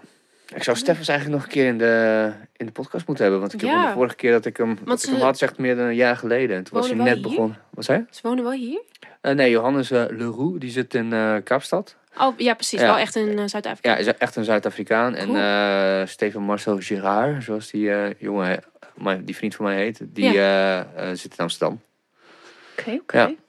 Vet hoor. Shout-out. Ja, precies. Ja. Shout-out, dankjewel. Ja, dus ehm, ik geef je even een paar mee. Awesome. Nou, Ja. ik vind het echt, ik vind het oprecht lekker. En ik eh, denk dat ik ook wel mensen ken die ik ook even wil gaan voorschotelen, zeg maar. Ja, gewoon bij de appies. Ze staan niet bij alle appies te koop. Ehm, Wat cool zeg. bij, de, bij de Brugstraat is, eh, zit hij en bij Oh, in ja. Vinkhuizen. Oké. Oké, maar bij Vinkhuizen, daar kom ik dan wel langs als ik een sessie heb. Ja. Dus dat komt wel goed. ja, bij de Travertijn. Ja, precies. Ja, cool. Bij Backbone, weet je. Ja, hey, zit je bij die boy. Hey, waar kom je dan? Bij Backbone? Ja, daar, daar hebben ze dus de studio van Jeroen en Freek. Oh, Oh. Zit Jeroen ook daar? Ja, Jeroen Sjoers. Oh, Nee, niet Jeroen Roes. Nee, nee, nee. Niet die... eh, niet, eh, die, Welke verdieping dan? eh, Zijn nummer twee. ja, logistiek eh, ben ik niet heel... ja, de eerste. Is het de oude Ja. studio van Hugo en Toby? Of weet je niet? Staat er Haunting Records op de deur? Mm, Nee, volgens mij niet. Nee, volgens mij zitten ze er al best wel lang. Oh, Oké. Mm. Dus ik denk, volgens mij zijn ze wel een, wel een van de eerdere... Een van de eerste lichtingen geweest die daar een kantoortje eh, of studio nam. Oh ja. Maar ze zitten volgens mij op hetzelfde level als ehm, zo'n DJ-duo. Tribal, Kush, Kush. Sorry. Ja, de locals, weet je wel. Maar Ja. ja. ja, weet ik niet. Op die naam kan ik even niet komen. Maar niet, eh, niet Klankveld. Nee, nee, nee. Nee, nee. Ik zit toch de ik weet wel wie, wie je bedoelt, maar ik heb die daar nog nooit eh, gezien. Ik ken ze ook niet persoonlijk of zo, maar ik ken ze wel. Ja, die zijn ook wel uit Groningen weg. Ja, naar Berlijn toch? Ja, naar Berlijn. Ja. Ja, ik ben ook zo blij voor ze. Dat ze, die, ze, ze, doen het net als voor het, wij hebben nu dit gesprek. En ik vind het echt super vet dat jij dit doet, zeg maar. Mm. Het is ook gewoon van, als ik dat niet zou weten dat jij dit zou doen. Of, Mhm. eh, of als ik jou net zo, niet zou kennen, zeg maar. En ik hoor Mhm. van, ja, zij doet dat. Zou ik, ja, wow, weet je wel. Zeg van, Mhm. wat vet. Maar het, nou ja, goed, we zijn natuurlijk gewoon mensen. En Ja, zij- ja, zij ja, zijn- ja, zijn maar ik ben gewoon- precies hetzelfde Ja. als jij hoor. Echt precies hetzelfde. Ik ben erg, eh, zeg maar, van de hype train, zeg maar. En eh, ook wel erg... ehm, eh, ik was vroeger bijvoorbeeld ook echt een ontzettende fangirl van Kraatje Papi. Oh ja? Ja, met de kou- Koude Kermis EP. Of Ja. Bulimia EP. Ja, het is wel weer even een tijdje Dat is terug. wel een Maar, tijdje terug, ja. Het echt, zeg maar toen hij vooral nog in Groningen echt eh, Was dat bezig was. eh bondkraag in een staat van opzij? Dat zou kunnen. Ja, Dan en ben je eh, toch een ik moet echt meid, nadenken. Ja, Indian Rose en een polo erbij. Wat ben je toch met type meid? ja, maar iets met... En ik weet in ieder geval dat Koude Kermis. Dat was Ja. echt mijn jam. Ja. Dat was echt, dat was echt mijn jam. Maar daar was ik ontzettende fangirl van. Maar dat is dan gewoon je medestadje, weet je wel. Echt zo Ja. eigenlijk niks aan de hand, zeg maar. En eh, nou ja, dat zou ik nog steeds wel hebben. Ook, met, ook wel met DJ's met wie ik dan technisch gezien samenwerk. Dat als ik die in het echt zou ontmoeten voor het eerst, dat ik dan toch even zoiets heb van... Oh my god. weet je wel? Terwijl ja, want dat is, is toch best wel raar. Want je hebt samen gewoon een product gemaakt. Ja. Maar ehm, ja, ik ben gewoon eh, snel wel onder de indruk van mensen of zo. Ik vind dat dat wel tof wat mensen doen. En dan in verwondering, zeg maar. Zo van, Ja. wauw, weet je wat vet dat jij dit doet. ja. Dus dat. Zo, zo van bijna disconnecten van een menselijkheid. Ja. Zoals Noisha. Noisha net zo trouwens. Noisha, daar, Ik heb dat ook terwijl gewoon een van mijn vriendinnen gewoon getrouwd is met Martijn. Dat je dan alsnog zo... Ja, ja, ja, ja. Ja, daar heb ik oprecht hoor. Want ik weet ook nog wel dat ik dan... Ik ging heel vaak naar die machtigfeestjes en zo. Ja. En eh, nou echt gewoon helemaal uh, Noisia fan, zeg maar. En dat we dan stonden te dansen ergens. En dat ik dan zeg maar iemand zag van Noisia. En ik weet niet eens meer precies wie van de drie dat was. Maar dat ik dan echt zoiets had van... Oh my god, staat vla- vlakbij, weet je wel. Ja, en dan zo van, ja, boeien. Het is gewoon, ook een Groninger heeft, maakt gewoon niet meer hele leuke muziek. Maar er is niks aan de hand, weet je wel. Een hele, het zijn volgens mij hele chille guys. ja, ja, ja, zeker. Want ik ken wel heel veel mensen die ze dan weer persoonlijk kennen. En dat is allemaal de normaalste zaak van de wereld. Maar toch, ik zie dat dan bijna als twee verschillende dingen of zo. Ja, dat klopt. Gewoon zo van, ze hebben dat hele... Dat leven als muzikant en we toeren de hele wereld over. En eh, mensen zijn fan van ons. En Ja. zeg maar, je bent ook gewoon maar mens. Met, volgens mij hebben ze allemaal een gezin. Ja, nou ja, Toch? Weet, ja, weet ik niet trouwens. Maar ik weet van Martijn sowieso wel. Ja. Ja, precies. Maar ze zijn gewoon ook verder gegaan in het leven, zeg maar. Ja, weet je? ja, Dus dat is dat. eh, ja, het is wel goed om af en toe even te bedenken dat het ook gewoon maar normaal mensen zijn. Ja, ik hoorde van, eh, nou goed, die vriendin van mij, Leonie. eh Leonie Verraar. eh, ja, ja. We zitten met, met z'n- met z'n drieën zijn we met Dave Schippers, zitten we in een schrijversclubje, zeg maar, met Cool. z'n drieën. Dus een beetje elkaar stimuleren. Nice. Maar ehm, zij vertelde dat, dat, dat Martijn meedeed aan, aan gewoon game dingen, zeg maar. Gewoon dat je, dat je online gaat gamen. En dat Ja. op een gegeven moment... ja, je kent elkaar natuurlijk alleen van je, van je eh, game naam, zeg maar. Mhm. Dus toen zei de meeste van die lui, die kwamen uit Londen. Zei van, ja, ik moet binnenkort optreden in Londen, anders komen jullie gewoon langs. En toen kwamen ze er dus achter wie hij was. En toen waren ze door die lui zo... Oh my god. Ja, maar dat, Ja. maar dat is toch eigenlijk best wel. Ja. Het, ik vind het heel interessant of zo. Mensen zijn echt interessant met, met wat je. Als je een bepaalde status aan iemand koppelt of zo. Wat er dan gewoon, hoe mensen dan anders behandeld worden, weet je wel? Ja, precies. Maar dat wordt het dus juist veel het freaky eraan. Is dat je op een gegeven moment, dus als je wel een, weet ik veel, Hardwell of Armin van Buren, whatever Ja. bent. Dan, dan lijkt het me super moeilijk wie nou wel of niet de waarheid tegen je spreekt. Ja, exact. En niet alleen maar van die juist van, oh ja, natuurlijk, jij zegt het, dus het zal wel waar zijn. Ja. Weet je wel, zo van, ja, ik denk dat het echt, echt belangrijk is dat je gewoon een, een clubje mensen om je heen hebt die je gewoon echt een beetje op de grond houden of zo. ja. Je gewoon echt een beetje ervoor zorgen van, eh joh, doe. Eh, doe hem normaal. eh, weet je, Ja, dat kan echt niet wat je ja, doet. Even de touw hem tammo, zeg maar. Dat, weet je. ja, Ik, denk ja, dat dat, ik denk dat dat echt wel belangrijk is om dat om je heen te hebben. Iedereen moet even een touw in touw. Ja, precies. Ja, ja, touw hem, weet je. zo Van, Ja. neem normaal dan. Want ik heb ehm eh, wel het idee dat dat sowieso wel een beetje, beetje in mijn opvoeding of zo... een beetje erbij in is gegoten van eh, heel erg geniet van wat je doet. Weet je wel, zo van ook alles aangaan en, en daar helemaal in opgaan. Maar eh, weet je, uiteindelijk is het eh, toch ook wel weer gewoon normaal of zo dat je doet. Ja, ik weet niet hoe ik het moet uitleggen, maar gewoon een bepaalde nuchterheid zit eraan. Zoals mijn vader, die is dan een hele goede muzikant, dat is een hele goede gitarist. En, en ook een goede zanger trouwens, maar de meeste mensen kennen hem als gitarist. En nou ja, en dat wordt ook vaak tegen hem gezegd dat hij een goede gitarist is. Maar ik heb hem altijd eh, gezien dat hij daar heel nuchter en heel bescheiden op reageert. Het is echt een, eigenlijk een beetje te bescheiden man. Ja. En, ehm, maar dat heeft me wel een heel mooi voorbeeld gegeven of zo. Zo van, eh, ik zag dan dat mensen, of mensen zeggen het ook vaak tegen mij, zo van, jouw vader is echt te gekke gitarist. En dan eh, dat hij daar gewoon zo chill of zo Ja. Mee omging. Dat hij dat eigenlijk bijna een beetje van zich af liet glijden. Van oké, van dankjewel dat je dat zegt. En ik waardeer dat oprecht, weet je wel. En dat zegt hij niet, maar dat is eigenlijk een beetje hoe ik het opvat. Ja. Eh, maar het leven gaat gewoon door. Ja, ja. En hij wordt er gewoon eigenlijk een klein beetje awkward van soms. Ja, ja, weet je wel? echt oh ja, nou, ja, ook dankjewel. wel. Ja, te gek, hè, ja, te gek. Maar hij is gewoon heel erg gelukkig als hij speelt, weet je. Dat Hij is gewoon heel gelukkig als hij muziek maakt. En, eh, en hij komt het beste tot zijn recht eigenlijk op het podium, om, om maar zo te zeggen. En dan is het natuurlijk te gek als mensen je daar complimenten over geven of zo. Maar ik denk, zodra hij dan van het podium afstapte, dan was daar eigenlijk altijd redelijk snel mens, weer terug. zeg maar. Ja, Ja, ja, ja. precies. Dan ga je weer terug eh, of zo. Ja. En, ehm, en ik denk dat ik die dat, dat het wel een beetje heb meegenomen. Zo van, je moet je ook niet gek laten maken of zo. Door wat mensen Ja. tegen je zeggen, weet je wel. Ik weet niet, heb je, ik heb dus laatst om, eh, om dit een beetje door te trekken naar, eh,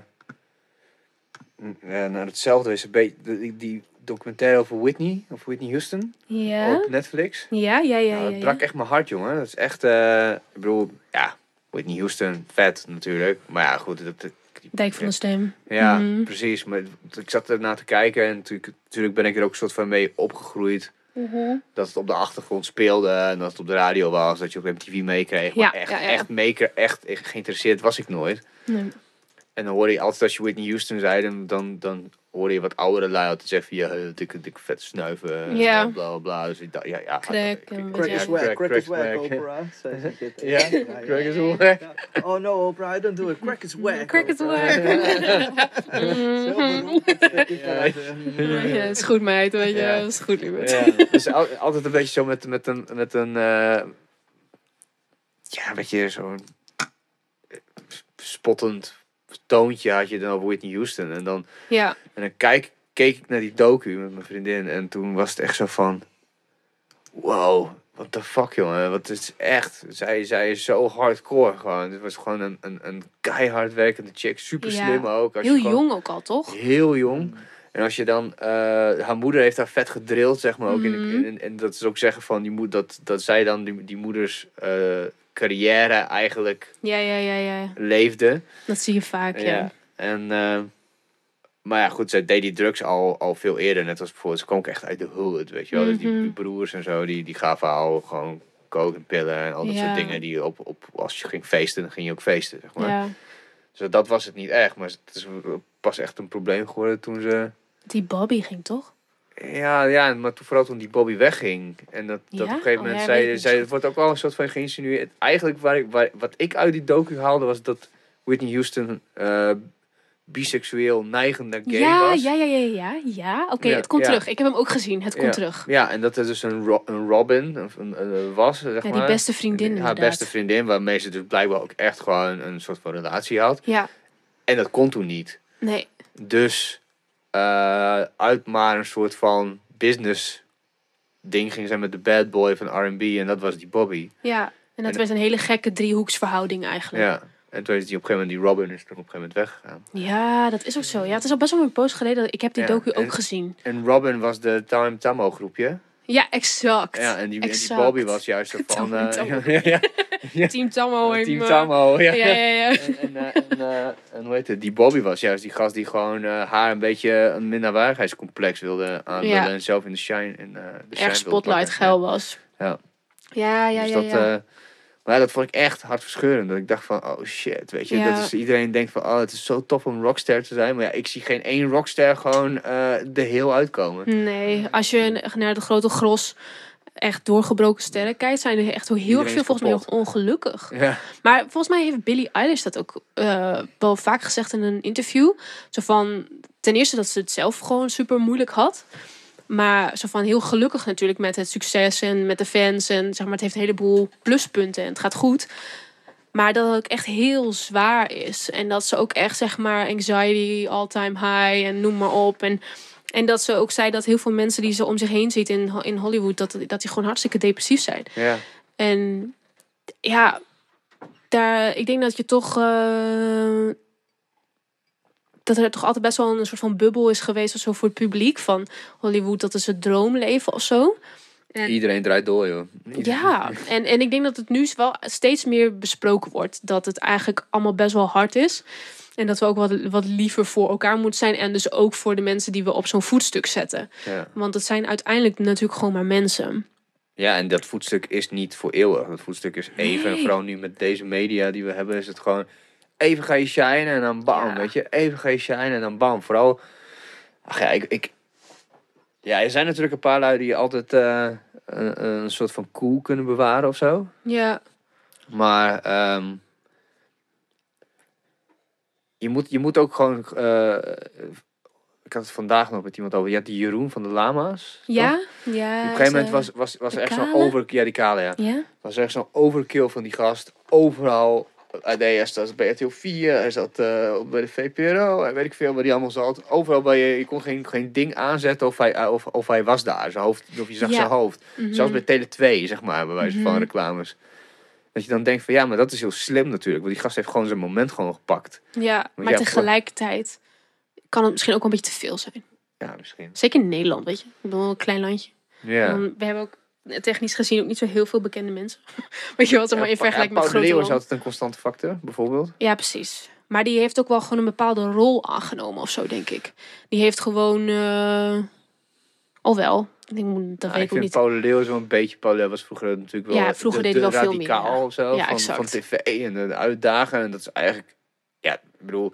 Nou, hij heeft zijn plek gevonden, lijkt het. Laten we het zo zeggen. Hij heeft zich tot een bepaalde rol eh, toegewerkt of zo. Mijn ouders die, die zijn Bulgaars en die, eh, die kwamen net toen naar Nederland. En dat, dat viel hen heel erg tegen hoe de cultuur hier was. Zeg maar. Je dacht natuurlijk Rembrandt, Frans Hals, bla bla bla. Maar ja, Ja, ja, ja. uiteindelijk eh, Pa- Paul Leeuw op tv. Kleine tegenvaller. Hey. Ja. maar mijn pa die zei laatst van als ik naar, ehm, eh, nu naar de tv kijk, Mhm. dan, dan ben ik blij als Paul de Leeuw op tv is. Want dan is het tenminste een beetje normaal. Beetje rustig. Ja, zo erg is het geworden. Ja, zeg het is maar. ook in een hele korte tijd is het ook gewoon steeds gekker geworden. Ja. Want je, je bent ook bijna niet meer eh, te chockeren. Zag je me struggelen trouwens? Ja, ik moet, was- je, moet ik me voor je ja, maken? ik ging even... Ja, ja. gerustig verder. Nou ja, omdat het steeds... eh, het wordt steeds gekker of zo. En tegelijkertijd worden we steeds gevoeliger. Dat tegelijkertijd zijn we ook heel erg snel op onze teentjes getrapt als we dingen zien. Dus dat vind ik een hele interessante ontwikkeling. Dat we zeg maar steeds gekker, er steeds meer willen zien en steeds meer moeten delen. Is het heftig? Ja, is lekker. Oh god. Nou, en, ehm, eh, en dat we dus tegelijkertijd ook steeds sneller offended zijn, zeg maar. Weet je wel? Gewoon, dus dat, dat bestaat nu ook weer. Wil je me even spoelen met water trouwens, je glas? Ja, zo, is dat handig? Het is wel misschien wel voor de puristen onder ons, hè? Ach man, eigenlijk moet je zo'n pipetje hebben met... ehm, Oh ja, dat heb ik laatst voor het eerst gehad. En eh, oké, wat, wat, wat is nu handig? Om, dan moet ik dat gewoon even opdrinken of zo, dat ja, drink, drink het gewoon even, zo. Nou, zo ja, even swirlen. Eh.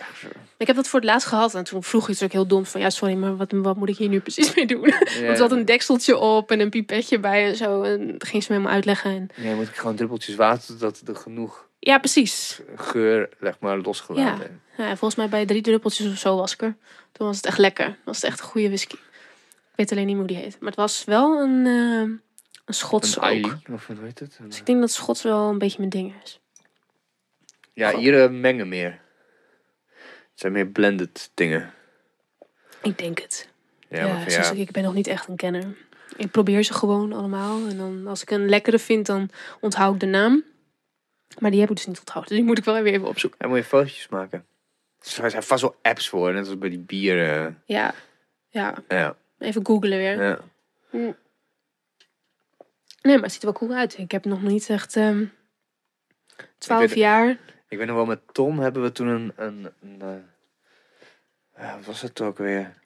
Eh, ik weet niet meer welke whisky het was. Iets met een T, maar dat maakt het niet uit. Zo'n kenner ben ik Tellig dus nu. Wat hè? Iets met tellig of zo, toch? Nee, Tellig. niet, nee, niet de telg. Oh. Eh, meer een Tony, maar dat was ook niet Tony, want dat is sport. Maar, ja, maar goed. Maar wel zoiets. Tanner. Nou, weet ik Iemand veel. in de comments, zeg Ja, het nu. Ja, Zoek het op, zoek het op. Zoek het op, ja, inderdaad. Ja, IE is er niet, dus die, eh, die is ja. gepeerd. Nee, ik kom er zo weer terug. Maar eh, dat was echt zo rokerig. Dat we echt gewoon een slok namen en zat echt zo... Oh my god. Maar het gekke was, na drie slokken viel het niet eens meer op. Toen hebben we gewoon het hele ding opge Ja, opgezogen. je moet echt gewoon even wennen. Ja, Ik had het ook een beetje met een Lafroik. ja. Dat was de eerste echt rokerige whisky die ik eh, had. En dat ruik je gewoon al in de verte als iemand dat drinkt, weet je wel. Dan Ja. is het gewoon dat, dat oest zo over dat glas, weet je. Maar dat vind, ben ik echt een hele lekkere whisky gaan vinden. ja. Dus die, als hij er is, dan, eh, dan bestel ik hem wel vaak. Maar hij is wel wat, wat prijzig. Dus Ja, dan eh, moet ik wel net even mijn factuur uitbetaald hebben, zeg maar. Dan, Ja, eh, precies. dan doe ik dat. En de Japanners hebben ook hele goede whiskies, by the way. Oh, echt? Ja, dat is echt niet normaal. Shout-out naar Japan. Ja. Japan is te gek. Konnichiwa! Oh man, ik ben, in Japan wil ik echt heel graag een keer naartoe. Ja, nou ja, met als, als topliner moet het wel lukken, toch? Steve Aoki, dat is toch een Japanner? Ja, nou, het is een Amerikaan. Amerikaan. Ja, ja, ja. Maar eh, veel DJ's die draaien wel veel in Japan. ja. Dus ik probeer dan gewoon een beetje te manifesteren van... ah, als we dan weer een keer naar Azië gaan voor een tour... want dan, eh, je weet maar nooit wanneer eens een keer een live element of zo nodig is... eh, Ja, ja, dat ik het eens een keer live moet doen. Maar eh, nee, Japan lijkt me echt te gek om een keer heen te gaan. Zo anders. Ja, ik, mijn pa is er wel eens geweest, maar dat is ook al jaren geleden. Dat is echt bijna twintig jaar geleden. Maar van vrienden die dan net eh, geweest zijn, die, die zeggen ook dat het Tokio de meest drukke en Ja. meest schone stad ever is. Schoon? Ja, echt super schoon, super geordend. iedereen loopt ook een beetje soort van... eh, nou ja, langs elkaar Ja, heen gewoon- of zo, weet je wel. Het is, het is gewoon, het is gewoon bijna... Structuur, toch? Ja, gewoon super gestructureerd, ja. Let er goed op die regels. En het is gewoon die Heel veel respect, heel veel... Bij een oh, weet je wel. Dat je Ja, ja, ja, aanloopt, oh, sorry, sorry, sorry, weet je wel. Ja, ja, want ik kijk eh, heel graag naar de anime. eh, anime, ja, ik weet niet hoe je, hoe je het Ja. zegt, maar... ehm, en dan krijg je al best wel wat mee van die cultuur of zo. Omdat het heel erg verweven zit in, in die shows, zeg maar. Omdat de verhaallijnen daar heel goed draaien. Ja, het, zeg maar, het is allemaal heel... Zeg maar, je kan zien dat die normen en waarden net een beetje anders verdeeld zijn of zo. Qua eh, hoe belangrijk bijvoorbeeld respect is. Weet je? Dat, dat ligt er zo dik bovenop. En dat vind ik soms best wel, best wel mooi. Ik denk dat we dat hier in Nederland echt wel wat meer kunnen, kunnen gebruiken. Ja, maar ja, dan moet je ook weer die hiërarchie toepassen. Maar ja, dat- ik weet niet hoor. Ja, het moet niet doorslaan, hè? Ik Ja. moet, moet wel gezellig blijven. En Maar, dat, is, eh, dat, is, dat is toch zo, als die, eh, als die eh, dan net iets verkeers hebben gezegd. ja, Ja, oh, dan, ja, ja, ja, dan wordt er dan zo'n, zo'n ja, in die films natuurlijk altijd, dan wordt er dan zo'n eh, boomstammetje, boomstronkje zo neergelegd en dan met een mes en dan... Sorry, was Nee. Zo'n pink zo. Het is soms ook wel heel bruut inderdaad. Ja. Ja, het kan wel heel bruut zijn. Nee, maar soort van nou, het hele eergevoel of zo. Ja. Er is iets met, met eergevoel. En dat kan natuurlijk ook wel eh, heel ongezond zijn. Ik bedoel, eer kan soms ook heel erg doorslaan in bepaalde culturen en zo. Maar tenminste voor mijn kijk als westerling dan. Maar ja, ik weet niet. Soms dan zit er gewoon wat in of zo. Weet je? Dat je... Nou, ik weet niet. Ik kan niet, kan niet helemaal, kan niet helemaal, kan niet helemaal uitleggen. Maar ik ga, even- ik ga even een slokje Ja, doe maar, nemen van de, de Bowmore. Spannend.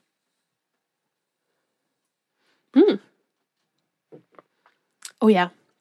Heel nice. Ja? Ja, die is heel nice. Ik proef absoluut... De citrus slash...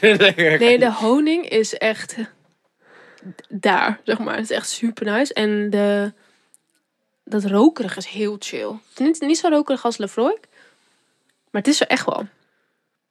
I like it. I like it. Yes. Nice. Dank je. Daar ben ik echt Alsjeblieft, ah, is van jou. super lekker.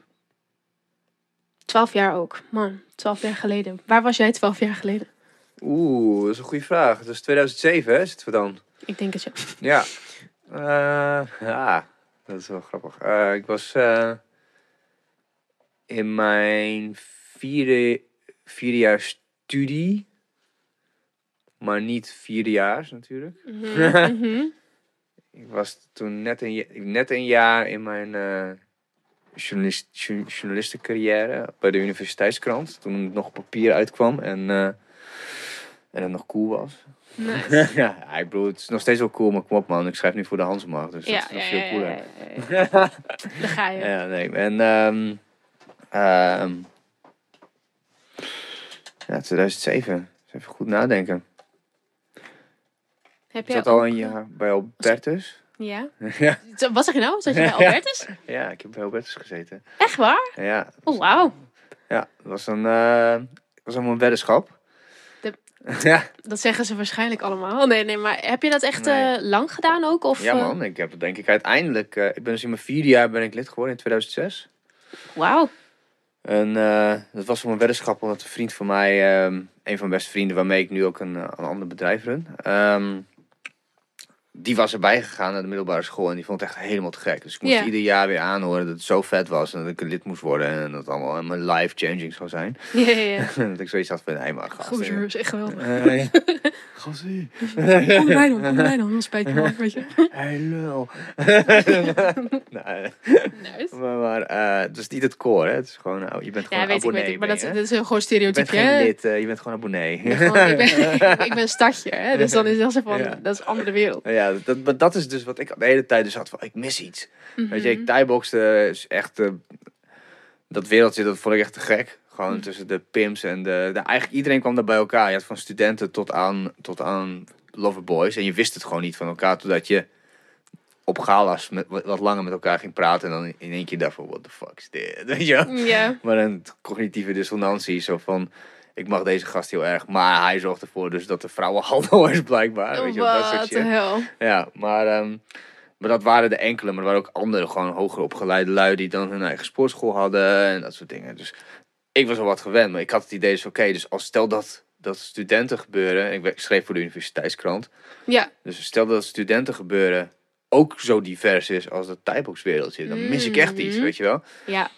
En ik was toen aan een wedstrijd aan het toe, aan mijn eerste wedstrijd aan het toe aan het trainen. En toen kwam dus weer die tijd eraan dat je kon inschrijven. Ja. En eh, die vriend van mij zei van ja, en dit is je laatste kans, want ja, daarna ben je echt te oud. En ik was 21, 22, zoiets. Oh. Ja, ik was echt oud, zeg maar, voor, voor Ja, dat maar soort ik bedoel ook nog niet dat ik zoiets heb van, dan kan het echt niet meer. Nee, maar goed, als je 26 bent, dan kan het echt niet meer. Nee, oké. Ja, nee, precies. Want dan zit je echt Ja. tussen de broekjes eh, Ja, ja, ja, in het ja, eerste precies. jaar, toch? Ja, Dus ik zat ook echt wel met, er waren lui die 17, 18 waren. Dus dat is wel echt een verschil hoor. Vier jaar is echt een lange tijd in die, in, Zeker. in, in die fase van je leven. dus, ehm maar ja, goed, zijn argument was van, nou, oké, weet je, ik zei van nee, nee, nee. En hij zei van, nou, eh, zie het zo. Het is een hele goede mentale eh, oefening voor je, voor je wedstrijden. Dat geloof ik wel, Ja, ja. En hij zei van, die, eh, want ik zei van, ja, niemand kan wat maken. Joh. Wat denken die lui? Ik train vier keer per, per week, zeg maar. Precies. Tweeënhalf uur. Dus ik Bossen, tien, tien ja. uur. Ik, ik bats iedereen in elkaar als, erop, als het erop aankomt. Hij zei van, ja, maar het is mentaal echt super zwaar. En ik zei, eh, op een gegeven moment had hij me gewoon. Weet je, Ja, zei ja, van, ja, want- weet je, weet je wat, ik weet, laten we het zo doen. Als jij hem die, dat, die ontgroening met twee vingers in je neus eh, haalt, dan betaal ik hem voor je. Want je moet betalen om ontgroend te worden. Maar eh, als je dan zonder verder iets te doen een club krijgt, Mhm. dan, dan moet je een jaartje blijven om een beetje dat wereldje te, te proeven, zeg maar. Dus, nou ja, zo gezegd, zo gedaan. Nou, die ontgroening stelde echt geen, geen reet voor. er, kwam, kwam echt op een gegeven moment... Je komt van, dus van een heel divers wereldje van... Van lui, van stille wateren, diepe gronden. Dat Ja. tijdboekswereldje waarvan je iedereen in één keer kan verbazen van waar hij vandaan komt en wat hij Mhm. doet. En uiteindelijk verbroedert knokken met elkaar heel erg. Ik kom nog steeds wel eens lui tegen. Dan, dan ken je elkaar eigenlijk helemaal niet. Dan zit je al met elkaar zo... Hè, Ja, ja, wel, zo. ja, gewoon echte Knuffelen, connecties. Ja, echt, Mm. echt een hele oerse connectie. Kom je daar en dan zeggen ze hop, hop, hop. En dan denk ik van, eh that, that- that's all you got, man. Weet je wel? Oh, hop, snap. hop, Ja, ja, hop, ja, hop, ja, ja, ja, oké. Ja, Hop, ga maar, hop, Ga hop. maar tien keer opdrukken. En dan ging ik op mijn vuist opdrukken. En Oh, dat dan- was dan voor de ontgroening. Ja, ga maar opdrukken. Ging ik op mijn vuist op. Wow, ga eens direct op zijn vuist op. What the fuck? Ja, wat de precies. brute baas. ja, ja, En dan ja, in één ja. keer zit je echt helemaal zo van... Dus in de Oh. hiërarchie klom jij heel snel op, zeg maar. Nou, dat, ik viel ook heel snel hoor. Ah, dat was ook echt zo van... eh, Maar was je dan ook echt een feut, zeg maar? Noemen ze nul noemen ze dat bij Albertus. Een nul? Een nul. Wauw. Ja. Ik vind het echt maximaal fascinerend, ja. Ja, dat is echt super fascinerend. Maar het, het, is, eh, het is uiteindelijk... Het is gewoon heel erg verdeeld. Van, je hebt een eh, soort van eh, de uber bad guys, de Darth Vaders. Dat is de bank. En dat is een bijzonder angstaanjagende nullencommissie. Wauw. En dat zijn eigenlijk lui die gewoon al heel lang... Gewoon, die hebben hun laurie verdiend. En die kunnen ze dan gewoon een beetje... Het is eigenlijk een, erebaantje. Dus die chillen Mm. een beetje. Die zijn lui- alleen maar heel erg doelgericht aan het hypen. Ik vind, ze zien jou en ze denken... Oh, stop wij. Weet je, we gaan een extra in een picture doen. Want dan kan ze beter bij disputen aansluiten. Of beter sneller een club krijgen. Dat soort dingen. Oh. Dus krijg je een nickname. Of dat soort dingen. Dus die, die, die lijken het strengst, maar zijn het niet. En dan heb je dus een Mhm. paar lui die dus die 400 man in bedwang moeten houden. Want ja, wat doe je met 400 mensen, zeg maar? Die, alle, die gewoon in mijn tijd dus gewoon drie weken niet, niet mochten douchen en zo, weet je wel. dus Ja, maar je hoort soms wel horror, horror shit, hoor. Dat ja, zo van- tuurlijk. we- Ja, uiteraard. Ik bedoel, ik heb zelf natuurlijk voor Sikkel ook dat hele gebeuren met Vindicat eh, geschreven en zo. Oh, Dus- ja. Maar dat alsnog, het zijn gewoon kinders. Het zijn Ja. lui van, van tussen de 18 en de 22. Want uiteindelijk, ik schreef dus... Super zoekende in een in levensfase, weet je. Je komt uit de middelbare school, super gestructureerd en, Ja. en klein. Hoppa, je gaat naar een vereniging. Nou, het lijkt allemaal even, even eng, zeg maar, met die ontgroening. Maar als je eenmaal in zit, Ja. heb je je club. Als je wil, kun je je hele week helemaal indelen. Je hebt maandag, dan heb je dan commissie, volgens mij, als je er ergens in zit. Heb je dinsdag je huisavond. Heb je Ja. woensdag je clubavond. Heb je donderdag je dispuutavond. Heb je vrijdag een dansavond, als je dat wil. Ja. En weekenden thuis thuis. Ja, precies. Oh ja, thuis, thuis. Ja, ja, ja. Ja. Dan ga je weer even uithuilen bij papa en mama, weet ja, je wel. ja, ja, Oh, ja, ja, precies. Of uitbrakken of Ja. whatever, weet je. Iedereen komt ook gewoon geheid 10 kilo aan. Of Iedereen gaat Ja. fucking hard zuipen, weet je. Ja. Je hebt ook gewoon een pas. No way dat je bijhoudt of hoe je drinkt, zeg maar. Holy shit. Dus, maar ja, goed, ik kwam daar en toen had ik een club, allemaal van die stoere gasties. En eh, nou, het paste eigenlijk niet zo heel erg bij mij, maar, maar dan, toen, he- toen heb ik op een gegeven moment, dacht ik, had ik het briljante idee als goede journalist van, ik ga gewoon een stuk schrijven over onze inauguratie als club. Ja. En was nog, in het, nou, dat je niet online journalistiek leefde eigenlijk helemaal niet zo. Maar ik denk als het nu online was geweest, dan was het echt gewoon keihard viral gegaan. Want het, het ging echt over dat ik vet zelf aan het blowen was. En dat, nou, wat er allemaal een beetje gebeurde buiten, buiten die kroeg om. Zeg maar. Ja, gewoon even een soort van insight. Ja, een beetje gonzo journalism. Precies, want ik denk dat heel veel mensen in de stad eh, wel stiekem eigenlijk eens willen meemaken wat er nou allemaal gebeurt en wat ze nou allemaal eigenlijk echt Ja. doen, weet je wel. En ik heb heel bewust toen niet over wat er, wat er binnen gebeurde geschreven. Want ja, ik dacht van ja, ik heb volgens mij wel contracten van non-disclosure dingen getekend Ja. bij Esmond Groening. Dus ik heb geen idee hoe dat zit. En waarschijnlijk kreeg je toch wel een beetje dat groepsgevoel. Ja, je krijgt heel zo. Ik bedoel, als je drie weken met elkaar eh, gewoon in een, eh, in een stinkend t-shirt rondloopt. Exact. En eh, in elkaar ze. Schept een band. Ja, ja, dat is echt zo. Echt zo. Je hebt altijd iets om over te praten. Ja, exact. Het is gemeenschappelijk. Weet je nog die tijd dat we allebei zo stonken, weet ja, je wel? Ja, niet alleen dat, maar jou, weet je, toen ik daar sta, toen zei die dat tegen mij en toen moest ik dit doen. Oh ja, maar dat zei die ook tegen mij, weet je wel. Ja, gelijk, een beetje van stoere verhalen tot echt openlijk, zo, ik schaamde me zo dood. En, Ja, ja, maar, maar goed, ik, uiteindelijk, ik was er super op tegen je. En, en ik heb er gewoon twee van mijn beste vrienden ontmoet. mhm, En mijn vriendin. Dus het heeft mijn leven echt radically gewoon gechanged. precies. En dat zijn gewoon allemaal mensen die net als ik gewoon ook wel, nou, weirdo zijn, zeg maar. Ja, maar gewoon zeg maar, waarschijnlijk komt er een veel breder type mens. ja, je hebt sowieso de, de, de balletjes zoals je ze Exact. hebt. En je hebt gewoon... Ja, De regulars, de- ja. Ja. Wauw, cool man. ja. Ik heb het idee dat ik het ergens wel wist, maar dat ik dat dan niet helemaal heb geaccepteerd of zo. Van, Dat ik daarbij gezeten heb. Ja, ja, ja, Ah, ja. Volgens mij heb ik dat wel. Je het zo vertelt van. Ja, volgens heel veel mensen die ik dit. schrikken er altijd van als ik het zeg, zeg maar. Van, Ja, eh, ik, ik heb een tijdje van dat eh, eh, deur tot deur verkoop gedaan. Dat je go- goede doelen verkoopt aan de deur ja. als bijbaantje. En dan werk je ook veel samen met allemaal studenten. En ik had toen even zo'n tussenperiode. En, ehm, en er zaten ook wel wat vindicators en eh Albertus Lui zeg maar bij. En ik had van tevoren heel erg zo'n voordeel van... oh, dat zijn echt vervelende mensen, Ja. bla bla bla.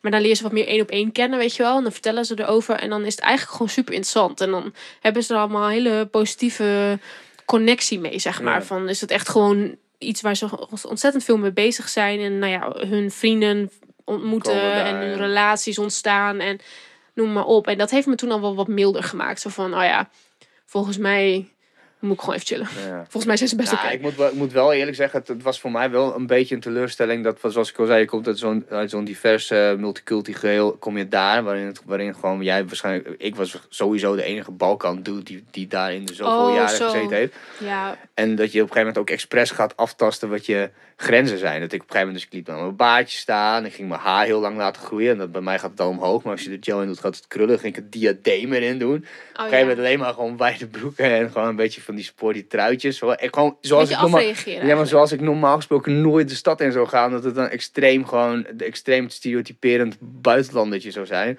Ging ik daar aftasten in hoeverre je kon gaan. En mensen zeiden alleen maar van, oh yo, jou staat dit echt fucking goed. Zo dat je dan denkt van, god damn it. Ja, ja, maar ik snap, ik snap het wel hoor. Ik snap het wel. Want ik heb ja, wel een beetje gevaarlijk om het te vergelijken. Want kijk, ik ben natuurlijk wel gewoon, zeg maar, je, je typical white girl, zeg maar. Maar ehm, ik heb best wel een tijdje gehad dat dan ehm, mijn beste vriendinnen, dit waren blonde dames. ehm Weet je, gaven 21 diner en zeg maar gewoon een beetje wat meer echt meisje Mhm. meisje. En met allemaal blonde vriendinnen ook. En ik was eh, altijd wat alternatiever. En ik had dan ik weet niet of ik toen al een tatoeage had, maar dan in elk geval, ik zag er altijd alternatiever uit. En als ik dan dus bij die club meiden was, dan ging ik dat dus ook uitvergroten. Ja, ja, ja, precies. Dan was dat, en dat ging niet eens zo heel erg bewust of zo, maar dan ging ik gewoon ietsje stoerder doen en ietsje meer van, ja, ik ben weer naar een feest geweest en eh, bla bla bla. Ging ik wat meer cooler doen dan dat het eigenlijk de bedoeling was, omdat je je dan eigenlijk gewoon een beetje awkward voelt. En, nou goed, maar ja, goed, ik weet niet hoe dat is. Nee, nee, nee, maar dat is, dat is zeker wat het is. Dat, dat is eh, Maar dan op het, dat is op het je- la- wat lager niveau. Nou, weet ik niet. Ik denk dat het wel te vergelijken is. Want het is wel, je geeft jezelf een, eh, een soort van. eh, een persoontje ga je aanmeten. Ik blode Mhm. toen ik superveel. Dan ging ik expres ook gewoon heel over. Gewoon waar, waar iedereen bij zat. Zo van, ja, bij- bijna not done, zeg maar. Gelijk dikke jonko's draaien. En Maar zo, is dat dan is dat stereotyperend dan? Heel veel blow? Nou, ben je wel Voor- gewoon voor meer zo'n straatschoffie of zo. Dat, dat idee, Oh, zeg maar. zo, ja. Zo, van... eh. Niet per se, niet per se eh, dat het iets met, met je... Nou goed, met je uiterlijk... Maar meer gewoon van Mhm.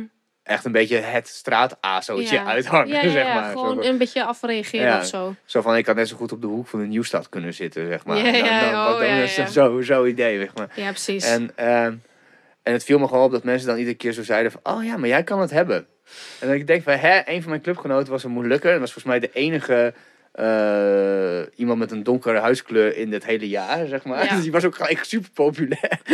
dat was ook dat je denkt van, waar ben ik beland, joh? Ik- Het is bijna als pokeren en dan op, op, op het moment dat je dan zegt wat je hebt... ja, En dan hoef je je kaarten niet te laten zien. ja, Zeg maar, dan, geloof, ja, dan gelooft men dat. Het is gewoon een bepaalde ja, ja, ja. of zo. En terwijl er wel een hiërarchie is waar je, waar je ook geen reet van snapt. Van mensen boven je staan waarvan je denkt van ja, maar ja, ik vind jou een vette sukkel, weet je. Dus ja, hoezo zou ik daar naar luisteren of zo? Ja, ja, dus dat, is, dat was wel echt een beetje co- cognitieve dissonantie. En daarom was ik met dat artikel, werden we ook echt als club helemaal uitgekotst door mij.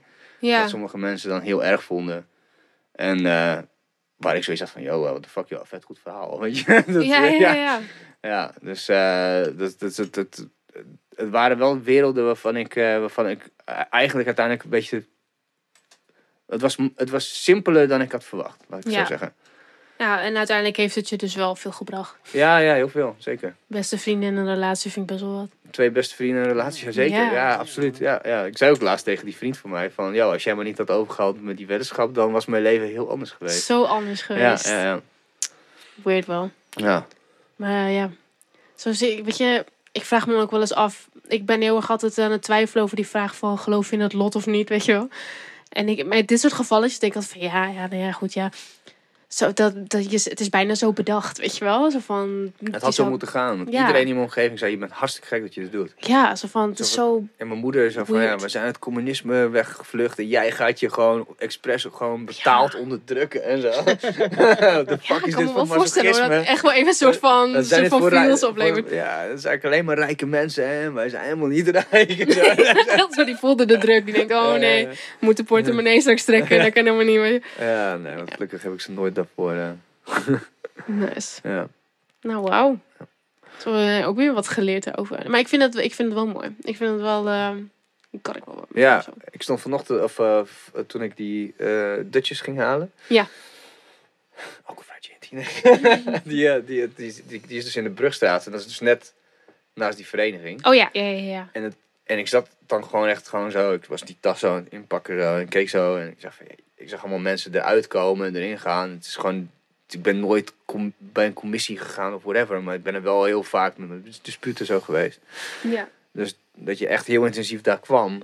En dat ik ernaar keek, dacht van, yo, dit is echt een chapter uit een parallel universe, zeg maar. Ja. Ik, zou, ik voel me er nu niet meer aan verbonden, maar er is echt een tijd geweest dat ik echt gewoon, dat het echt een bepaalde thuisgevoel zo, zeg maar, opleidde. Het is net zoals dat je bij je oude middelbare school voorbij Ja, komt of zo. Zo'n gevo- zo'n heel warm gevoel of zo. Ik heb dat ook wel een beetje Maar met het nachtleven van Groningen. Ja. Want er was echt wel een tijd dat ik echt veel op stap ging. En dat dat ook echt gewoon een belangrijk onderdeel was van mijn identiteit, zeg maar. Omdat ik daar zoveel tijd spendeerde. En vooral omdat ik had een tussenjaar dan tussen communicatie en de Academie voor Popcultuur. En toen ging ik ook eh, werken bij de Shadrak. Welk jaar was dat? De, mm, ja, Was je drak- 2009, 2010. Oh, toen was je daar nog, nog wel oké. Ja, nou kijk, weet je, Sadrak heeft zo zijn ups en zijn downs gehad, zeg maar. En eh, ehm, ik heb het idee dat er voordat ik kwam even een soort van daling is geweest. En toen ik kwam, kwam een beetje die hele dubstep, drum en bass scene weer wat meer tot leven. Mm. En die ging toen veel naar de kelder toe. En toen had je dan daarbovenin had je wat meer nog die electro dingen als techno en hardstyle en zo. Ja. En toen was de begane eh, was meer urban, maar was wel redelijk rustig. Het was wel gewoon wat meer eh, onder controle. Ja. En toen heeft het nog wel, denk ik, een jaar of zo echt een hele goede periode gehad dat het gewoon best wel kalm was. Er niet zo heel veel, heel veel incidenten waren en zo. Ja. Want ja, inderdaad, meestal als je begint over Sedrak, dan hebben mensen zoiets van. Heb je daar gewerkt? Weet je wat? Wat eigenlijk best wel een diverse plek was. Ik ging vroeger heel vaak, nou, tussen 2003 en 2009, dus uit naar in. En op een gegeven moment ben ik dus gewoon gekapt. Ja, ik ook. Ik ook. Ja, want ik ben op een gegeven moment dus weggegaan. En ehm, nou ja, dat, dat was ook allemaal verder wel prima hoor. Maar dat, dat was dan zeg maar zo dat ik dan werkte of ik ging op stap. En dan leer je vet veel mensen kennen in het nachtleven, weet je wel. En dat zijn dan worden een beetje je bekende... Ja. ja. precies. Barmannen en DJ's. En ook bij andere kroegen en zo. En gewoon mensen die vaak tegenkomen met stappen en zo. En eh, dat ik dan ook was van dat FOMO kreeg als ik dan eens een keer niet ging. Dat ik echt zoiets had van, oh my god, ik mis nu van alles. En weer eh, de juice en zo. Moet ik dan weer aanhoren en dat trek ik niet. En toen ging ik weer studeren. En toen ben ik wel een beetje gekalmeerd. En daarna wel weer veel weer op stap gegaan naar feestjes. En toen, eh, denk ik zo'n vijf jaar geleden of zo, ben ik eigenlijk echt wat rustiger geworden. Dat ik echt gewoon liever naar een concert ga of naar een kroeg ga of zo. En naar dansfeesten. Maar niet meer zo non-stop het weekend besteden in de Elke Warhol vrijdag, of zeg zo. maar. Ja, Of- Ja, want ik ging echt altijd gewoon donderdag, vrijdag, zaterdag standaard. Oh, yo, Weet je, gewoon of woensdag, weet je, lekker break de week. En Ja. eh, ik, ik was altijd wel in voor eh, een dansje. Want ik was voornamelijk aan het dansen, zeg maar. Dat was voornamelijk wat ik deed. Ja. En, eh, ehm, maar dat... ik- je wordt ouder en het publiek blijft zeg maar rond een bepaalde leeftijd hangen of zo. Mm. En dan voel je gewoon echt een beetje alien. En nu kijk ik dan dus wel eens terug naar die tijd of ik ga weer eens naar de wal of zo. En dan kijk ik om me heen en denk ik, wauw, dit was zo'n belangrijke plek voor mij. Weet je wel? Ja, ik heb hier zoveel meegemaakt. Had je ook zo'n vaste, een vaste volgorde? Ik ging altijd meestal... Mm. Ja, in, ja, vrijdagavond was het echt mijn ding, zeg maar. Vrijdagavond en dan eh, eerst indrinken bij iemand. En dan meestal ging je dan ergens aan het begin van de, van de Poelenstraat even checken. Mhm. En dan eigenlijk heel snel naar eh, Pakhuis, Donovan's, Oh ja. eh, de Car en dan naar eh, de Warhol uiteindelijk. Ja, precies. Ja. Ja, ik heb wat verschillende favorieten gehad, inderdaad. Maar de Warhol werd op een gegeven moment wel echt een beetje mijn home basis, zeg maar. Alleen, het ligt er een beetje aan welke groep vrienden ik op dat moment om me heen had. Want ik had dan een clubje mensen om me heen die wat meer van de urban waren. En die wat liever naar Donovan's en zo. En eh, de Roomba en dat soort dingen. weet je wel, gewoon... Oh, yeah. Weet je, ja, dat was echt goede tijd, weet je wel. Dat was, was echt... Roomba Nou, pas. Ja, ja, ja. Roomba pas. en Dat, dat was duidelijk zo dat je die portier gewoon niet wilde hebben. Zeg maar. Ja, ja, ja. En, dan- en dan- maar dan ging ik dan echt helemaal los. En dan had ik ook mijn groepje waarmee ik naar Pakhuis en naar de Car en naar de Warhol ging.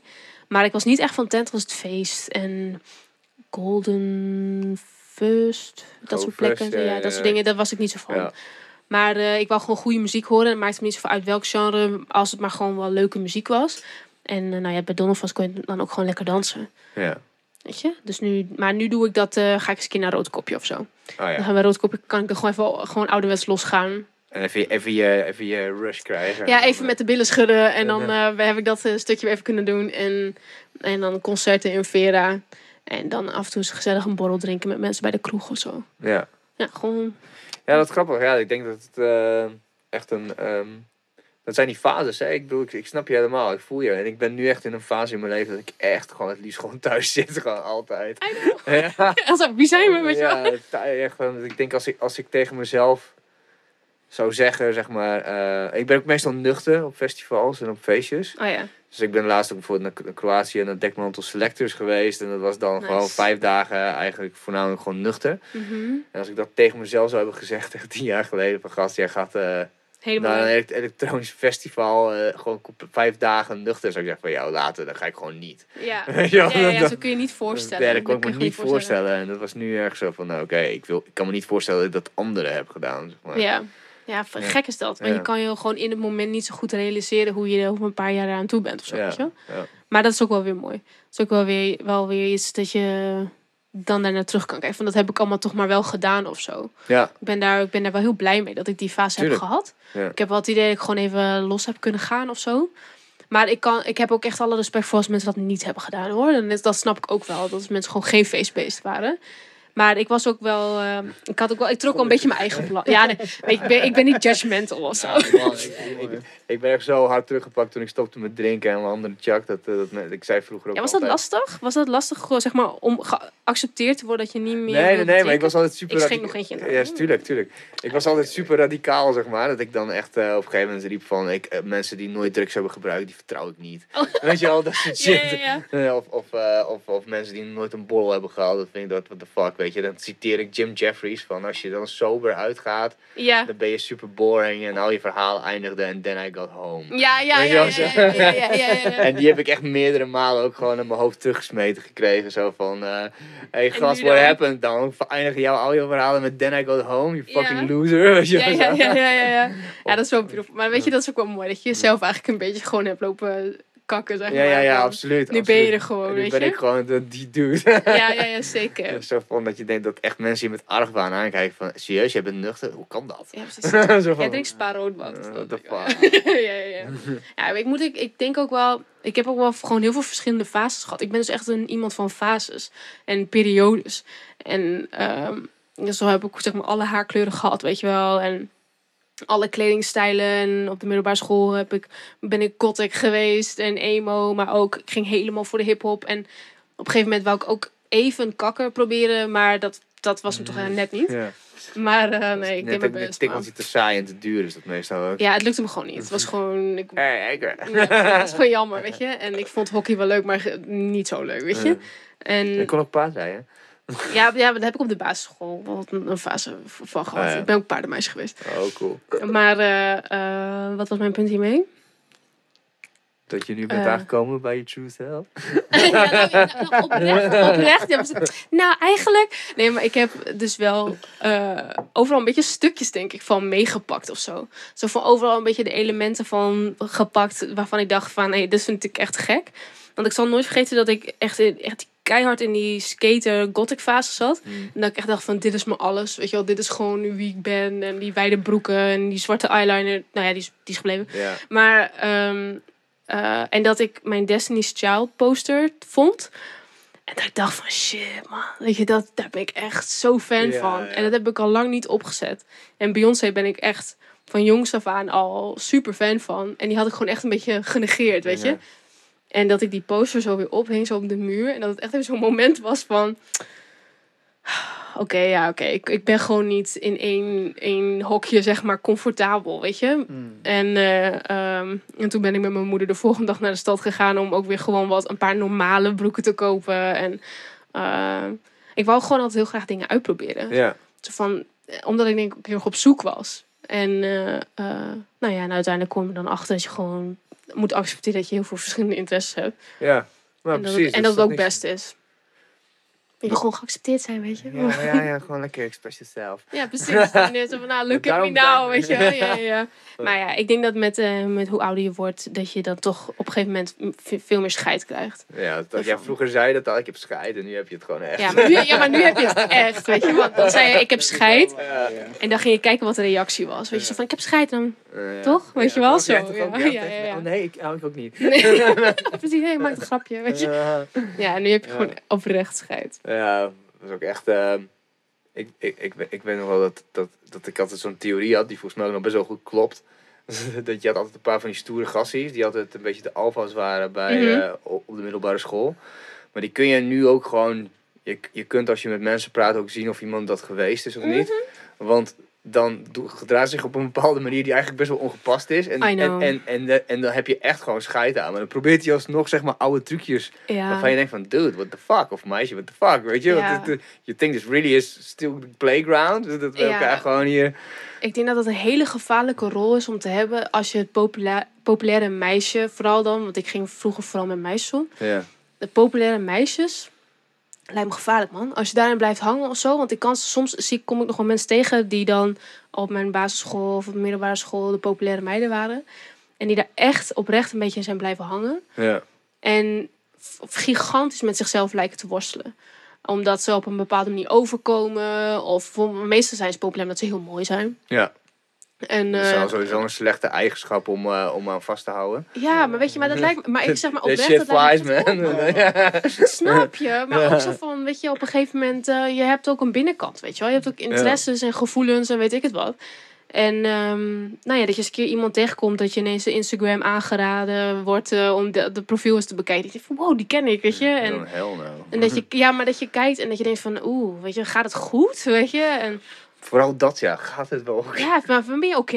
Ja, weet je wel, als ja, ja. van, dat je gewoon gaat twijfelen. En, maar dat je wel heel erg ziet dat ze nog iets proberen neer te zetten van... Ja, maar ik ben that bitch. Maar dat je het niet gelooft, weet je? Hmm. En dat, is- maar ze zijn nog steeds heel mooi. En nou, ik hoop dat ze er dan nog, eh, dan nog even van genieten of zo. Maar Maar Amy Winehouse heeft het heel mooi eh, in zo'n liedje toch doen. When you walk in the bar.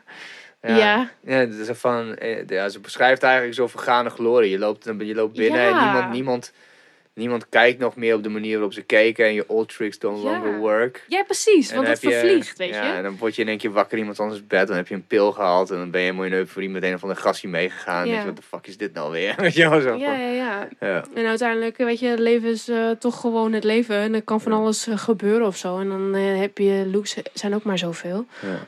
Maar, ja, weet niet. Stick to yourself. Oh ja, zoals Arnold Exact. Schwarzenegger zegt. Hier Speciaal komt voor ja, ja, op de valreep. Trust yourself and break the rules. Hey. Heb jij nog iets eh, d- dat je graag wilt delen met ons? We moeten een einde aanbreien. Oh, Oké. We hebben echt twee uur lang eh, gewoon helemaal volgespit. Ja, jongen, als ik eenmaal losga, Ja. dan... eh, nou ja, zeker wel. Want ik denk, ik weet niet, zeg maar, de luisteraars, als er muzikanten bij zitten... die eh, heel graag nog eh, het een en ander willen ontdekken en leren... en eh, eh, willen optreden, noem maar op... eh, zou ik zeker aanraden om de Pop Groningen eh, website te bekijken. Oeh, Want, gemaakt eh, door dat collectief. Ja, klopt, klopt. Nieuwe website komt eraan inderdaad door zeer bekende jongens. en dus daar zijn we heel blij mee. Het komt ook binnenkort online, dus check dat snel. Want er komen wat leuke projecten aan. Zaterdag hebben we Skills and Knowledge sessies, zeer interessant. Altijd goed inderdaad. De Talent Award, zeer interessant voor als je wat verder wil komen. Eh, dus ik zou zeggen, check de website even. En als je vragen hebt, dan kan je me altijd een bericht sturen. En je bent te bereiken op features.eke. Eh, nee, ja, jouw Instagram als je Ja. muziek in de gaten wil houden. Want eh, morgen komt bijvoorbeeld een heel leuk nummer online als je van hardstyle houdt. dus met Headhunters inderdaad. op Instagram heet ik featuring.eke. En Eke is eigenlijk heel simpel, E-K-E. En ehm, nou ja, dat is denk ik het belangrijkste.